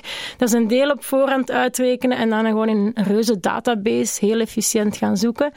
Maar je kan dus eigenlijk al die mogelijkheden proberen en dan gewoon teruggaan naar de auto. Eens dat je dat getalletje weet, kan je op alle vragen van de auto antwoorden en gewoon in die auto binnen gaan. En dat is waarom dat je een auto nooit parkeert in Wetenschapspark Arenberg in Leuven. of wat ze zeggen is, op zijn minst je sleutel in zo'n metalen doosje steken, dat iemand die gewoon voorbij loopt, daar geen vragen aan kan stellen. Ah, oké. Dus je, je kunt wel um, in je tas een blikken doosje meepakken Ja. waar je sleutel in past en dan kunnen ze hem niet bereiken. Dus je hebt dan een superhandige sleutel waardoor de auto automatisch open gaat, maar je moet dan wel uit een blikken doosje halen. Het is de wet van behoud van Ik gedoe. zal mijn, te- mijn Tesla even open doen en al zo'n soepblik boven. hè. Zij, en kunnen dan weg met die Tesla of moet die sleutel nog ergens in dan? Eh, nee, vroeger kon je kon daar gewoon mee wegrijden. Nu, Tesla is daar al een jaar geleden van op de hoogte gebracht. En wat hebben zij gedaan? Zij hebben nu ook een pin, een nieuwe software-update gedaan, dat je ook nog een pincode moet induwen voor je kan vertrekken. Dat was vroeger niet, nu wel. Dus nu kan je er eigenlijk niet meer weg mee. Maar daarvoor wel. En de nieuwe modellen krijgen ook wel betere cryptografische sleutels die langere, meer bits hebben die langer zijn. Ja. Ja, want het, is, het is een ding dat eh, eigenlijk elke draadloze, draadloze elke autosleutel die daar contactloos naar Ja. openen, is er vatbaar voor. Het is inderdaad van hoe groot of hoe lang is uw wachtwoord. Hè, daar komt het op neer. Hoe Ja. langer, hoe langer het duurt om te kraken. Ehm, maar hebben jullie dat ook getest? Of hebben ze dat ook getest met andere automerken? Of is Maar ze gewoon zeggen dat er ook gewoon gaan- bepaald... Dus dat is een, eh, een, een bakje van Pectron, of Pecton, dat is een firma die die sleutelsystemen maakt. En ze zeggen dat diezelfde systemen ook in Ferraris of McLaren's en andere luxe wagens zitten, maar ze hadden zo geen wagens om op te testen. Een, een budget van 600 euro was Ja, op. Ja. ja, voilà. Dus het ja, zou moeten, maar ze hebben het alleen op de Tesla aangetoond. Toch, toch ook mogelijk een voorbeeld van opportunistische onderzoekers. hè. We willen een auto testen, maar liefst een Tesla. Zeg, het werkt op een Tesla, maar zou dat niet ook op een Bugatti werken? Dat weten wij eigenlijk nog niet. Hè? Is er nog budget? Voilà. voilà. Eh, goed, we gaan een keer verder kijken naar de andere eh, eh, Silicon Valley coryfeeën.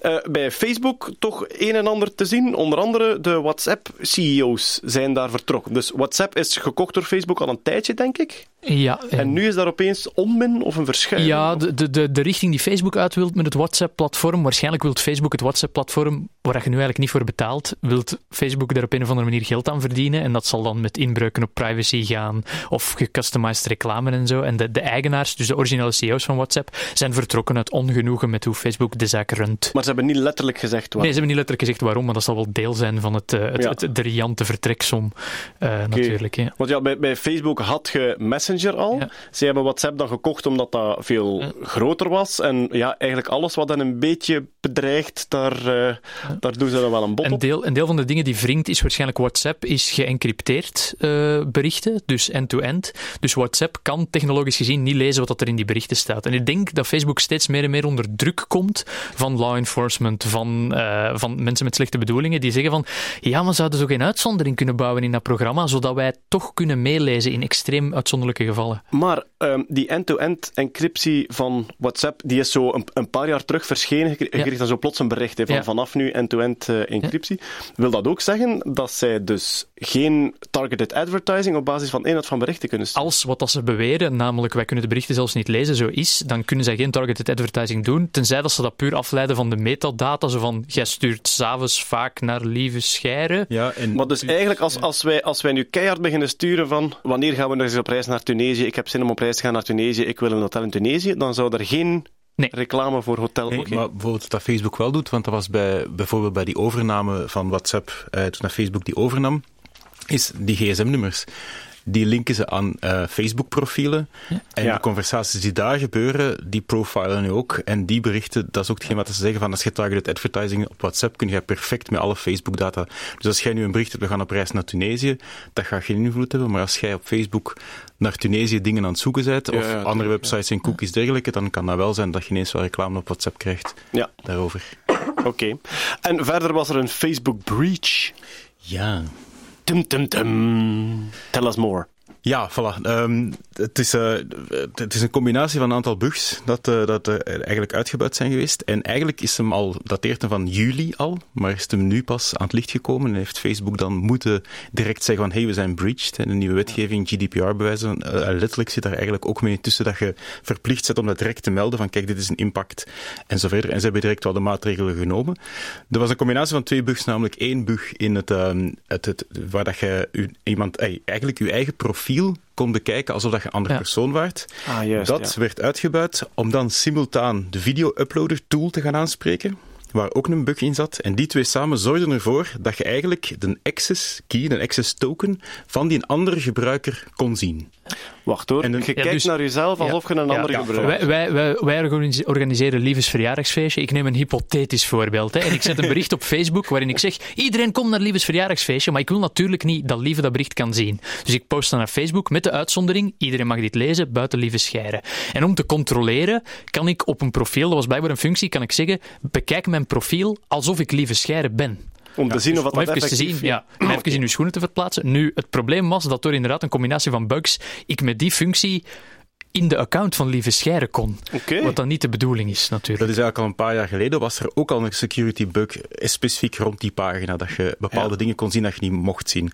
Nu, uh, de, wat dat je kon zien was een security token. Nu, dat is niet het wachtwoord, dat is eigenlijk een, uniek, uh, een unieke sleutel, hè, een encryptiesleutel, nee, geen encryptiesleutel, maar een unieke beveiligingssleutel die op dat moment gegenereerd wordt, maar die ook gebruikt wordt om aan alle third-party apps, dus als je bijvoorbeeld op een website uh, met Facebook login zou gaan inloggen, dan geeft je eigenlijk je wachtwoord in op Facebook en Facebook negocieert dan met die website waar jij inlogt en dat zijn een aantal sleutels die over en twee gaan, waaronder die security sleutel. Dus eigenlijk als een hacker uw security sleutel heeft en jij hebt aan een bepaalde website gezegd ik wil met mijn Facebook profiel hierop inloggen, kan die een hacker met die login, of nee, sorry, met die sleutel die hij van Facebook gekregen heeft, inloggen op die website alsof hij bijvoorbeeld lieve scherm is. Ja.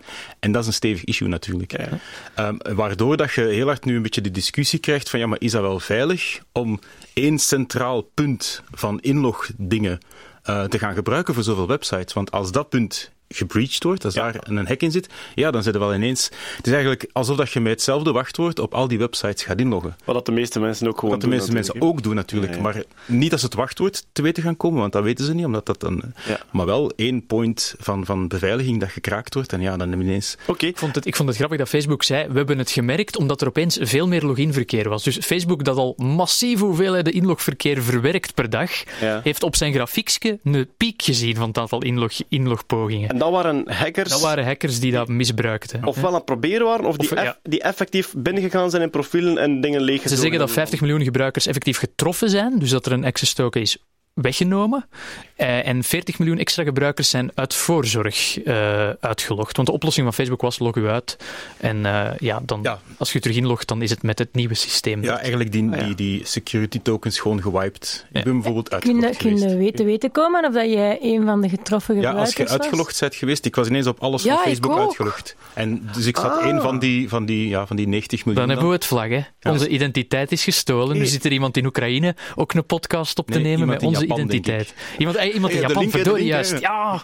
Of, of gewoon naar je vakantiefoto's te kijken. Want dat is toch waar die hackers het voor doen. Hè. Voor de, Ja. gezelligheid, de gezelligheid en de gezinswarmte in Zuid-Frankrijk. Die zij ook willen meebeleven. Dat is, dat is toch het doel, denk ik, waarom ze op onze Facebook gaan.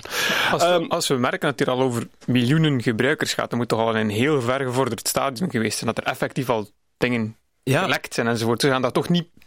Ze, ze moeten toch al eerst geprobeerd hebben om te kijken of het werkt. En dan pas gaan ze het bij miljoenen mensen doen. Ja, voilà, het is dat. Het is dat ik zei, eigenlijk de bug, of de combinatie van de twee bugs, dateert dat van juli, of van juni, van een paar maanden geleden in ieder geval.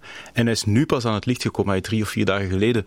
Dus in de tussentijd is al heel veel misbruik. Waarschijnlijk, dat is zo hetgeen wat dan nu de vragen zijn, hè, van hoe ver is die een uitgebuit en hoeveel mensen zijn er eh, op websites ingelogd die dat eigenlijk niet daar wouden inloggen en zo. Eh, verder is eh, Google 20 jaar oud. Gelukkige verjaardag, Google. Ja, Dominique Dekmijn had in de Standaard ook een, een, een stuk geschreven over het eerste moment dat hij...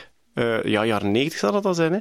Dat hij ergens in een perszaal dingen aan het opzoeken was op Alta Vista. Ja, Alta Vista. En dat er iemand Waar toen zei, zeg, tijd? heb je dat hier al eens geprobeerd? En dat was ook zo, hè. Je Had vroeger...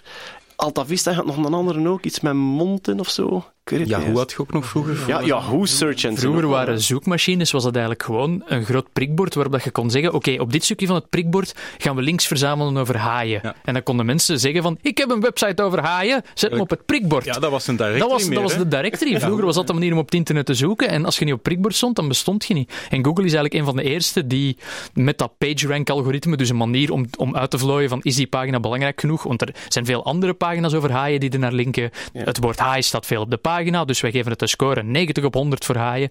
En daardoor is Google eigenlijk populair Ja, geworden. En het tweede was inderdaad van, ik was ook zo'n Alta Vista gebruiker. En, eh, lang geleden, toen ik nog jong was.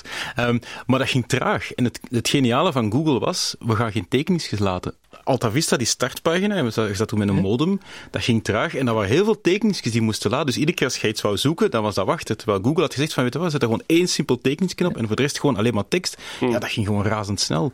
Dus vandaar was de overstap naar Google Echte, heel snel. echte, echte 90s kids kennen Hasta la Vista ook nog. Dat was dan de dat zoekmachine voor gekraakte, gekraakte eh, software en, en de eerste pornografische ervaringen van veel jonge mensen op het internet, omdat meestal die zoekpagina's geflankeerd werden door zeer expliciete banners. Waarlijk, maar dan ook wel gigantisch gepixeld. Uh, Het was voor, eh laten we zeggen, tien, tienjarige Jeroen was het eh, tintelend genoeg, denk ik. ik eh, ja. Wij hadden maar vier pixels per tit nodig, jong. Al die retina-verwennerij hier van van die, van die jongeren. Oh, ja, in de, in de tijd zaten wij zelfs op Leisure Suit Larry nog wel. een- Ja, ja, dat vonden wij avontuurlijk. In, in 16 kleuren.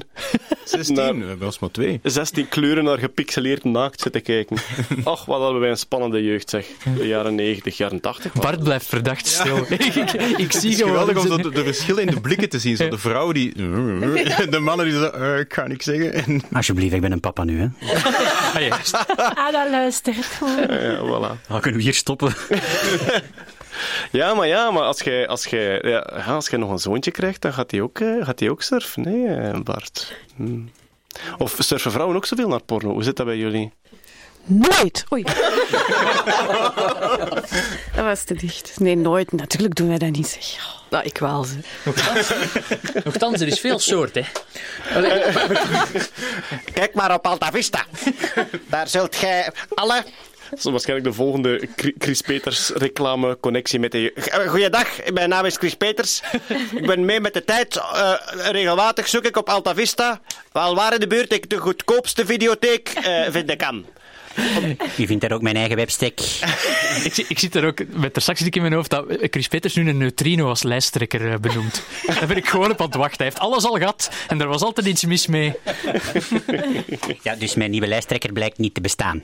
Eh, Anita. Dus in de politiek eh, kom je soms moeilijke momenten tegen. Dit is er één van. We gaan het oplossen met de blockchain. goed, tot daar het Musk-nieuws. Rustiger dan anders, hè? zeg nu zelf. Ja, eigenlijk rustiger dan anders. Ehm, ja, wat eigenlijk toch wel, denk ik, groot nieuws was, was het feit dat ze erin geslaagd zijn om ehm, een hele populatie muggen steriel te maken.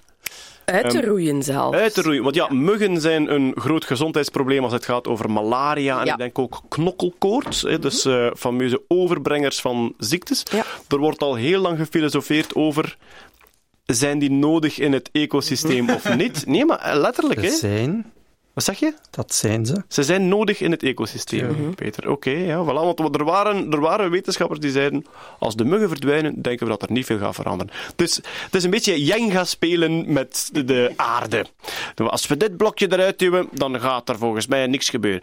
Maar sowieso, in bepaalde streken zou het wel handig zijn als er knokkelkoorts of malaria is, om die te kunnen bestrijden. En ze hebben nu een nieuwe manier. Was het, was het genetisch? CRISPR. Via CRISPR. Ah, ah, dat is het ideale moment. Want normaal leggen we dan altijd eventjes kort uit wat CRISPR eh, is. Maar onze vaste jinglemaker Johnny Trash heeft nu onze CRISPR-uitleg in een jingle gestoken. En daar komt hij. Tellen naar de jingle. Ja, we tellen af naar de ehm, eh, basis eh, CRISPR-uitleg van eh, Johnny. Daar gaan we. Drie, twee, één. Wel, er is nieuws, het is CRISPR nieuws en CRISPR is gewoonweg de revolutionaire techniek om snel en goedkoop veranderingen aan te brengen. DNA van welk organisme. Dit is onze vaste... Ja. Oh, ik vind dat zo jammer dat het niet verder gaat naar organisme.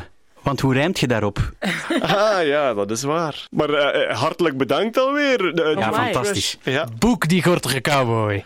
En dus met deze revolutionaire techniek om eh, snel en goedkoop veranderingen aan te brengen in het, eh, het DNA van elke levend organisme, hebben ze dus gebruikt ook om muggen bij te werken zodanig dat heel de populatie in elkaar stort. Ja. Ehm, ik ben heel blij dat ik eindelijk eens de Gene Drive hier mag uitleggen. Dat is Gene Drive. Ja. Is dat een nieuwe, een nieuwe motor in Star Trek? Nee, ik ben geen Star Trek fan, dus eh, ik weet het niet. Oei, the sorry. gene drive on 50. Gene Drive, ehm, basisgenetica, ik ga daar beginnen. Als je een, eh, een overerving hebt, dan heb je normaal één kans op twee om een bepaald gen te erven eh, van één van uw ouders. Iedereen heeft twee kopieën van een bepaald gen. Slechts één daarvan gaat door naar, eh, naar uw nageslacht en het andere komt natuurlijk van uw andere ouder. Met zo'n gene drive ehm, maken ze eigenlijk met CRISPR een, eh, een aanpassing in dat gen. Dus hier in die muggen hebben ze eigenlijk het double sex gen eh, aangepast. Ik kom straks terug waarom dat ze net dat gen eh, genomen hebben. Maar eh, in plaats van dat dat dan op een klassieke manier overerft, hè, met één kans op twee en dan later één kans op vier enzovoort, zou dat eigenlijk zichzelf uiteindelijk wegselecteren. Zo'n gene drive kopieert zichzelf eigenlijk, omdat dat net een CRISPR-systeem is, naar het andere chromosoom. Dus dat knipt zichzelf uit, dat verdubbelt zichzelf, waardoor als je één mug aanpast op één eh, plek, dat die plots op het andere chromosoom ook die aanpassing heeft. Damn. Waardoor dat de overerving eigenlijk in de war gestuurd wordt, zodanig dat uw nageslacht altijd dat aangepaste gen met zich meekrijgt. Dus de, de, de gewone biologische evolutie, waar dat normaal het slechte stuk uitsterft, wordt daar eh, langs rechts ingehaald. Allee. En, wat dat- gebeurt er dan in dat nageslacht? Die hebben er eentje mee, maar dat kopieert zichzelf natuurlijk ook weer opnieuw. Dus het, het verdubbelt eigenlijk constant zichzelf, waardoor het uiteindelijk in no time in een hele populatie aanwezig Je is. zegt dat het gen zorgt dat je steriel wordt, waardoor dat ze geen nageslacht kunnen hebben. Ja. Oh. Daar was ik nog niet. Goed gezien. Ja, goed. Het is eh, inderdaad het dubbelsex-gen dat ze aangepast hebben. Als mannetjes ehm, dat gen eh, in zich krijgen, gebeurt er niks. Hè. Die mannen hebben daar geen last van. De vrouwtjes hebben er ook geen last van als ze maar één kopie ervan hebben. Maar op het moment dat ze er twee hebben, dan worden ze inderdaad steriel, kunnen ze geen eitjes meer leggen en bijten ze niet meer. Dus wat doen ze? Ze laten een, een deel van die gemanipuleerde muggen los. Ehm, er blijven natuurlijk nog altijd, dat is denk ik het antwoord op uw vraag, ehm, wildtype muggen rondzweven. Hè. die wel nog kunnen voortplanten, die, die wel nog eitjes kunnen leggen. Maar ze zien dus, tussen de zeven en de elf generaties stort zo'n hele populatie in, omdat er uiteindelijk geen vrouwtjes meer overblijven die nog eieren kunnen leggen en kunnen ze die dus volledig uitroeien. En dat is nu echt getest met een echte populatie, dus geen simulatiemodel, maar in het labo. Ja, in het labo, maar heel klein, een heel klein uh, uh, hokje met heel weinig muggen.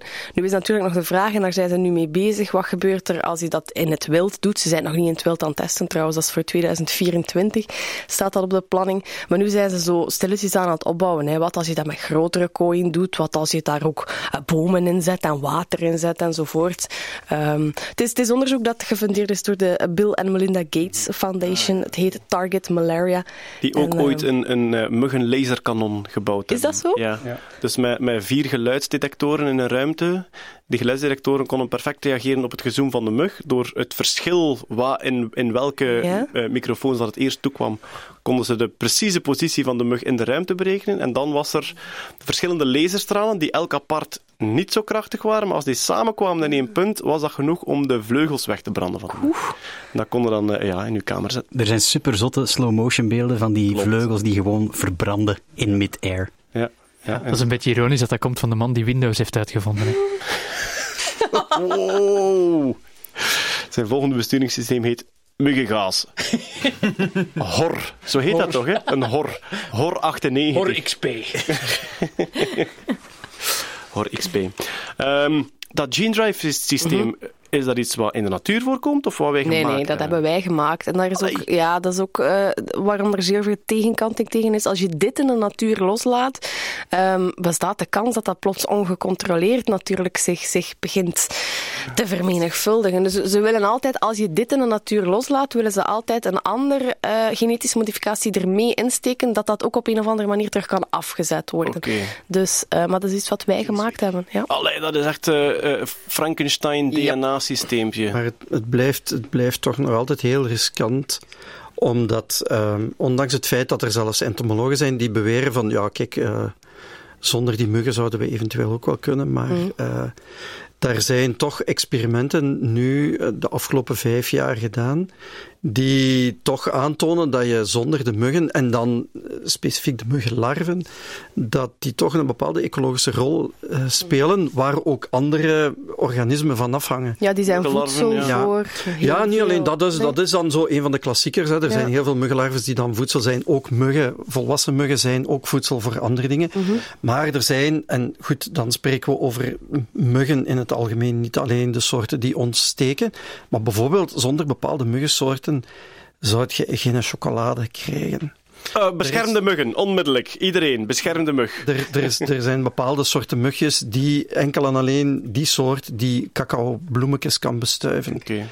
Dus eh, je, hebt, je hebt niet alleen zijn die, zijn die dieren, zijn muggen in het algemeen voedsel voor anderen, maar ehm, het is aangetoond dat heel veel muggensoorten, ook degene die ons steken, want de mannetjes, voor alle duidelijkheid, zijn alleen de vrouwen die steken, en alleen de vrouwen die eieren gaan leggen, want intussen tijd ehm, zoeken die gewoon nectar en zuigen die gewoon nectar, ook de Ah, vrouwtjes. Hè. Ja. Maar in, in dat geval bestuiven ze ook bloemen. Hè. Ja. Dus het is veel meer dan... Ja, ik denk dat dat iets is. Allee, je kan wel enthousiast zijn over het, het wetenschappelijke gedeelte Ja, ervan, absoluut. maar dat daar inderdaad heel veel Ja. vragen nog moeten bijgesteld worden. Het voorzichtigheidsprincipe Maar het zal wel zijn. is hier op zijn plaats. Absoluut. Er was ook weer nieuws van eh, Planet X, de mythische gigantische planeet die dus voorbij eh, Neptunus nog zou hangen. Eh, tien keer zo groot zou zijn als de aarde en die voorspeld is door Mike Brown, eigenlijk zelfs de Amerikaan die eh, ervoor gezorgd heeft dat Pluto geen planeet meer is. Dus om het eventjes allemaal terug samen te vatten, het is nu toch al een, een, jaar of twee, drie bezig. Ze hebben gezien dat er ehm, objecten rondvliegen buiten onze grote planeten dicht bij de zon, die een baan hebben die niet verklaard kan worden door, door wat er elders aanwezig is in het zonnestelsel. En op een bepaald moment hadden ze een theorie, misschien hangt er gewoon een grote planeet, tien keer zo groot als de aarde, Planet X hebben ze genoemd, of Planet 9, hangt die voorbij Neptunus, dus echt ver van, eh, van de planeten hier. Sommigen spreken over een omlooptermijn van 10.000 jaar tot 40.000 jaar rond de zon. Eh, misschien hangt daar een planeet die we gewoon nog niet gevonden hebben. Ehm, daar is heel veel theorie over. Ehm, er is ook twijfel over.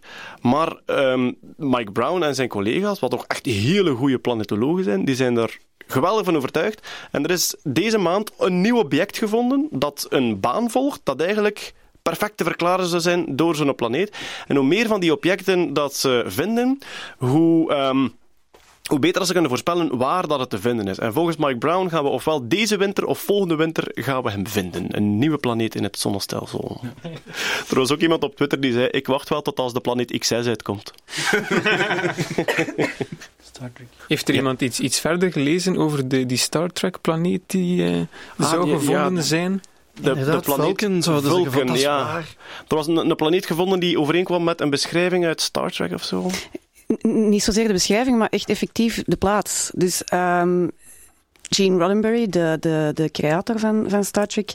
eh, moet, moet eerst even zeggen, Gene Roddenberry heeft heel erg nagedacht over alles. Er is niks toevallig eh, haphazardly chosen in Star Trek. Dus toen ze op zoek gingen naar een planeet eh, voor Spock, hè, de planeet Vulcan, heeft hij specifiek gezocht naar een ster waar een planeet zou kunnen ronddraaien die habitable zou kunnen zijn. En effectief, rond die ster hebben ze nu een planeet gevonden. Een super, eh, super Earth. Dus eh, twee keer zo groot als de aarde. Of nee, tien keer zo groot. Ik weet het even niet meer. Ik dacht twee, keer- ja, twee keer, denk ik. Hè? Twee keer zo groot. Eh, niet te ver van de ster, niet, ook, niet, ook niet te dichtbij. Dus Maar hij had, hij had die ster uitgekozen Ja. als zijnde, daar hangt die planeet rond. ja, en zelfs, er, waren, er, zijn, dat, het is een, het is een, eh, er zijn drie sterren daar. Het is eigenlijk, hoe noemde dat? Een drie sterren stelsel? Ja, een, een tertiair sterrenstelsel. Een tertiair Een stelsel. drie sterrenstelsel is er heel lekker eten ook, naar schijnt. Eh, en, ehm, en hij heeft specifiek die ster uitgekozen, omdat hij zei van ja, maar die andere ster die is nog niet oud genoeg. Ehm, dus, dat, dus dat kan eigenlijk niet kloppen. Dus het is, het is echt heel beredeneerd en het is fantastisch toeval. Trouwens, wat dat exoplaneten betreft, eh, er, eh, ja, dat is al jaren in stijgende lijn in het aantal ontdekkingen van exoplaneten. En er is nu een nieuwe eh, detector, TESS heet hij denk ik, een nieuwe detector geactiveerd. En dus ja, ze, ze verwachten weer een nieuwe stortvloed aan exoplaneten die ontdekt gaan worden.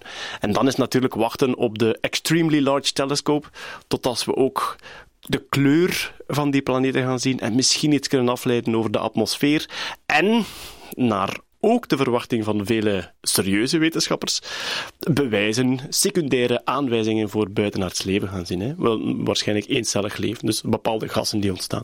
Maar dat is voor de Nerdland-podcast van 2030. Eh, ja, we hebben weer een mooi rijmend zin, nee, een mooi metriumzinnetje. Er is weer metriumnieuws en dat was dit.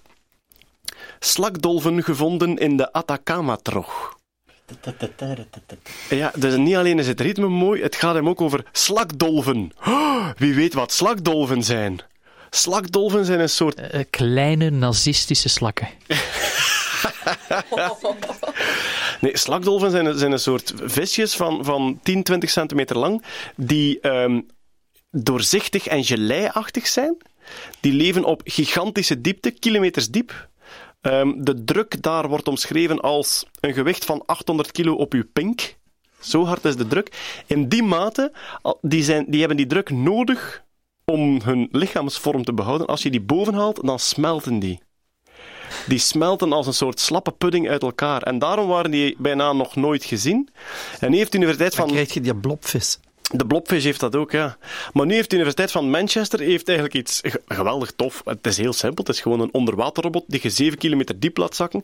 En daar ligt voor, voor de camera, heeft hij een eh, dode vis vast, wat dat typisch het voedsel is op die diepte. Alles wat, dood, alles wat sterft boven komt naar beneden. En dus daar komt van alles op af. En ze hebben gigantisch, ja, ze hebben echt vele nieuwe diersoorten gezien. Ze zijn er nu van overtuigd van die Atacama-trog, dus een 8 kilometer diepe trog, eh, juist aan de westkust van Zuid-Amerika. Dus je hebt eh, de, de Andes is waar de plaat omhoog geduwd wordt en de trog is waar de andere plaat eronder kruipt. Dat is een heel diepe kier. En daar hebben ze dus slakdolven gevonden, verschillende nieuwe soorten. En ze hebben ze de blauwe, de witte en de paarse genoemd. Het is een beetje de Power Rangers van doorzichtige vissen onder water, maar het eh, metrium klopt dus ook. Hè. Slakdolven gevonden in de Atacama-trog. En dan is het toch altijd een uitdaging om daar een zin voor te zetten. Iets met nog op het einde dan waarschijnlijk. Daar heb ik eerst naar, naar Ja? gezocht. Ah, maar je hebt dan- al iets. Ja, ja, ik heb eerst zitten zoeken naar nog en daar, daar kwam ik dan niet uit. En nu kom ik op Nieuwe gekke wezens in het diepe zoute zog. Slakdolven gevonden in de Atacama-trog. Normaal doen we dat op muziek, zoiets. Hè? Ah ja, maar ja, er is Doe het nog eens, lieven, en monteer er muziek onder. Ah, ja, en dus monteer. Hier, komt hier komt dan een, een poëtisch muziekje onder en dan zeggen we... Nieuwe gekke wezens in het diepe zoute zog. Slakdolven gevonden in de Atacama-trog. Ehm, goed, we zijn er ongeveer door. Er stond nog geen iets op en dat was dat iemand beweert dat hij de Riemann-hypothese bewezen heeft. maar eh, dat is op zich eh, eh, groot nieuws, maar ze zijn nog aan het controleren of het wel klopt eigenlijk. Laten we ons samenvatten. De Riemann-hypothese is een groot wiskundig probleem. Heeft te maken met priemgetallen en eh, complexe getallen ook, denk ik. Ja. Inderdaad, dat is ima- imaginaire wiskunde. Die, dat dat, is een functie en die heeft een hoop nulpunten. En een, een deel van die nulpunten is heel triviaal, dus die kunnen we direct zien. Dat zijn de negatieve even getallen, dus min 2, min 4, min 6. En die heeft ook een nulpunt eh, op een op andere vlak. Een nulpunt is een plek waar dat een functie naar nul gaat. En voor de rest gaat die allemaal naar oneindig, de, de zeta-functie van, van de Riemann. En er is een theorie van, aha, maar er zijn nog meer nulpunten erop, in het complexe vlak. En de, ze vermoeden dat al die nulpunten in het complexe vlak liggen op 1, 1 tweede imaginair. Maar dat is nog nooit echt bewezen. Een lijn dus. Een lijn, op één lijn. En nu is er een, een oude man die zegt, een, een, oude, een oude wiskundige wel, niet gewoon maar een man van de straat. En die heeft gezegd van, ik heb dat bewezen. Plak. En daar hangt 1 miljoen eh Ja, want het is een van de millenniumproblemen. Het is een van de Ja. millenniumproblemen. En dus de millenniumproblemen is een lijstje van, hoeveel zijn het er? Acht. Acht, ja. Dus acht zware wiskundige problemen die nog niet gekraakt zijn en wie ze oplost krijgt een miljoen euro per probleem. Eentje daarvan is al gekraakt geweest een paar jaar geleden door een gekke Russische eh, is wiskundige. En die, die man heeft het, het prijzengeld geweigerd en die leeft heel besloten, heel, heel weg van de maatschappij. Die leeft in een appartement vol kakkerlakken bij zijn moeder. En dat is echt, eh, zoek er een foto van op en het is echt Rasputin na vijf slechte nachten. Toen ze, toen ze hem gebeld, toen ze ja. hem gebeld hadden om te zeggen dat hij een miljoen kreeg, eh, had hij aan de telefoon geantwoord: Laat mij gerust, ik ben champignons aan het plukken. Ja, Was zo ziet hij eruit. Zijn letterlijk. Champignons aan het plukken uit zijn oksels waarschijnlijk. Maar dus die Riemann-hypothese is gepubliceerd. Ehm, zelfs, ik ben, ik ben wiskundigen tegen, want ik was heel nieuwsgierig en ik vroeg dan aan, aan wiskundigen in mijn omgeving, heb je het al bekeken? Want het was wel groot nieuws, het moment dat het gepubliceerd werd. Heb je het al bekeken? Ehm, eh, is er iets van aan? En die zeiden allemaal, niet mijn vakgebied binnen de wiskunde, ik kan daar niets over zeggen. Dus het is zodanig complex, ook het bewijs, dat, dat heel veel wiskundigen daar zelf niets of weinig in zien. Ja. En nu is het wachten, het wordt volop geanalyseerd om te zien of het klopt. Het is niet onmiddellijk weggezet als bullshit. Het was dan ook echt een degelijke wiskundige die het bewezen heeft. Maar die man heeft ook wel een gekke reputatie. Hij heeft de laatste jaren heel zot gedaan, blijkbaar, een, eh, een keet geschopt. De Elon Musk van de, van de, van de wiskunde. Ik heb voor de Riemann-hypothese te begrijpen, heb ik een half uur naar Numberphile op Ah, eh, ja. YouTube gekeken. Ja, dat En goeie- dat heeft mij geholpen, want ik, ik, ik had het zelf ook al ergens gehoord. Maar, dus als je een half uur te branden hebt, go for it. Numberphile is sowieso eh, een aanrader. Eh, we gaan afsluiten met een beetje fandom, want de nieuwe Doctor Who-reeks begint nu zondag. Ik weet niet eens of dat deze podcast gemonteerd geraakt tegen dan, maar dus zondag nieuwe Doctor Who met Jodie Whittaker. Een vrouw? Wat? Ja, ja maar eh, geen Japanner. eh. De eerste Doctor Who-vrouw in 50 jaar, Jeroen. Wauw. En verder begint ook, ik ging zeggen eh, mijn tv-reeks op Canvas, maar ik moet zeggen onze tv-reeks op Canvas, want Kurt Beheid, hier aanwezig, eh, heeft daar eh, ja, niet alleen aan meegewerkt, maar dat programma zo een beetje recht gehouden en in goede banen geleid. Ehm, eh, hoe, hoe het mag heten, mag ik misschien al zeggen, misschien nog niet. Ehm, ja, bon, daar hebben we het dan volgende keer over. Ruw, Maar... lieve vanuit de montage. Van mijn advocaten moet ik zeggen. Dat, daar, heeft, daar heeft Johnny trouwens ook een jingle voor gemaakt, voor Lieven vanuit de montage. Oh. Ja, ja, ja. Beste luisteraars, hier volgt een mededeling door Lieven vanuit de montagekamer. Dit is Lieven vanuit de montage. De titel van het programma mag intussen bekendgemaakt worden en is Team Scheire. Zo gaat het heten. Eh, ja, de zenders willen altijd mijn familienaam in de titel. Ik weet ook niet precies waarom. Maar Team Scheire, zo gaat het heten. Er is ook al een website van, eh, canvas.be slash team-scheire. En daar vind je al een beetje uitleg en ook enkele filmpjes waarin de teamleden voorgesteld worden. Einde bericht. Eh, maar dus vanaf 29 oktober, dus dat is het einde van de maand waarin deze podcast uitkomt, vanaf 29 oktober... de maandag van de herfstvakantie. Ah, voilà. 29 oktober, de maandagavond van de herfstvakantie op Canvas, komt uh, het nieuwe programma waar Kurt en ik dus aan uh, meegewerkt hebben. Um, ik mag ongeveer zeggen wat er gebeurt. Hè. We hebben een team van makers, dus echt uh, uitvinders-makers. Daar zitten erbij die heel goed zijn met alle FabLab-dingen, uh, uh, heel goede softwaremensen. We hebben um, iemand die last. Allee, we hebben echt zo ja, een maker-crew. Een heel schone waaier van acht profielen, vier vrouwen en vier mannen ook. Ja, Specialist wel, elektronica, tot lassen, tot maker, tot... De, de, momenten dat, de momenten dat ik met die acht in een ruimte stond, dacht ik echt van, als nu de rest van de wereld vergaat en deze blijven over, dan komt alles goed. Dat is, ja, die kunnen alles maken. En Kunnen zeker die samen. geen uh, gene drive geven? Eigenlijk is het, ja, het was een beetje D-team, maar dan echt. Je stikt die in een tuinhuis met een halve suikerwafel en die bouwen een machinegeweer. Dat is echt zo. Um, en dus wat hebben we gedaan met dat team? Zijn we op bezoek gegaan bij mensen die een probleem hadden, oh, soms mensen die een beperking hadden, mensen die een specifieke moeilijkheid hadden in de omgeving. En dus die hebben uitvindingen gebouwd, gepersonaliseerde uitvindingen voor die specifieke persoon, voor zijn of haar specifieke wens. En uh, ik ben heel tevreden met dat programma. Ik heb een paar montages gezien en ik ben daar heel blij mee. Om hoe laat wordt het uitgezonden op Canvas, lieven? Of dat staat nog niet vast? Waarschijnlijk 20 na 9. Maar 20 na 9. Ja, een excellent uur. Na een uurtje ter zake ja, en de afspraak. Oh, top. Top. Tussen twee Hitler-documentaires in. Leuk. Voilà, uh, het was weer een, uh, een hele boterham, maar we zijn er toch weer doorheen geraakt. En wij danken iedereen die tot hier geluisterd heeft. En we zijn er volgende maand terug. En natuurlijk bedank ik iedereen hier aan de tafel, namelijk Stefanie Duggene. Bye. Jeroen Baar. Bye. Marian Verhelst. Ciao. Bert van Peer. Zien ze. Hetty Helsmoortel. Met veel plezier. Bart van Driessen. Graag gedaan. Kurt Beheid. Peter Berks. Met graagte. En aan de knoppen Els Aartje. Dag.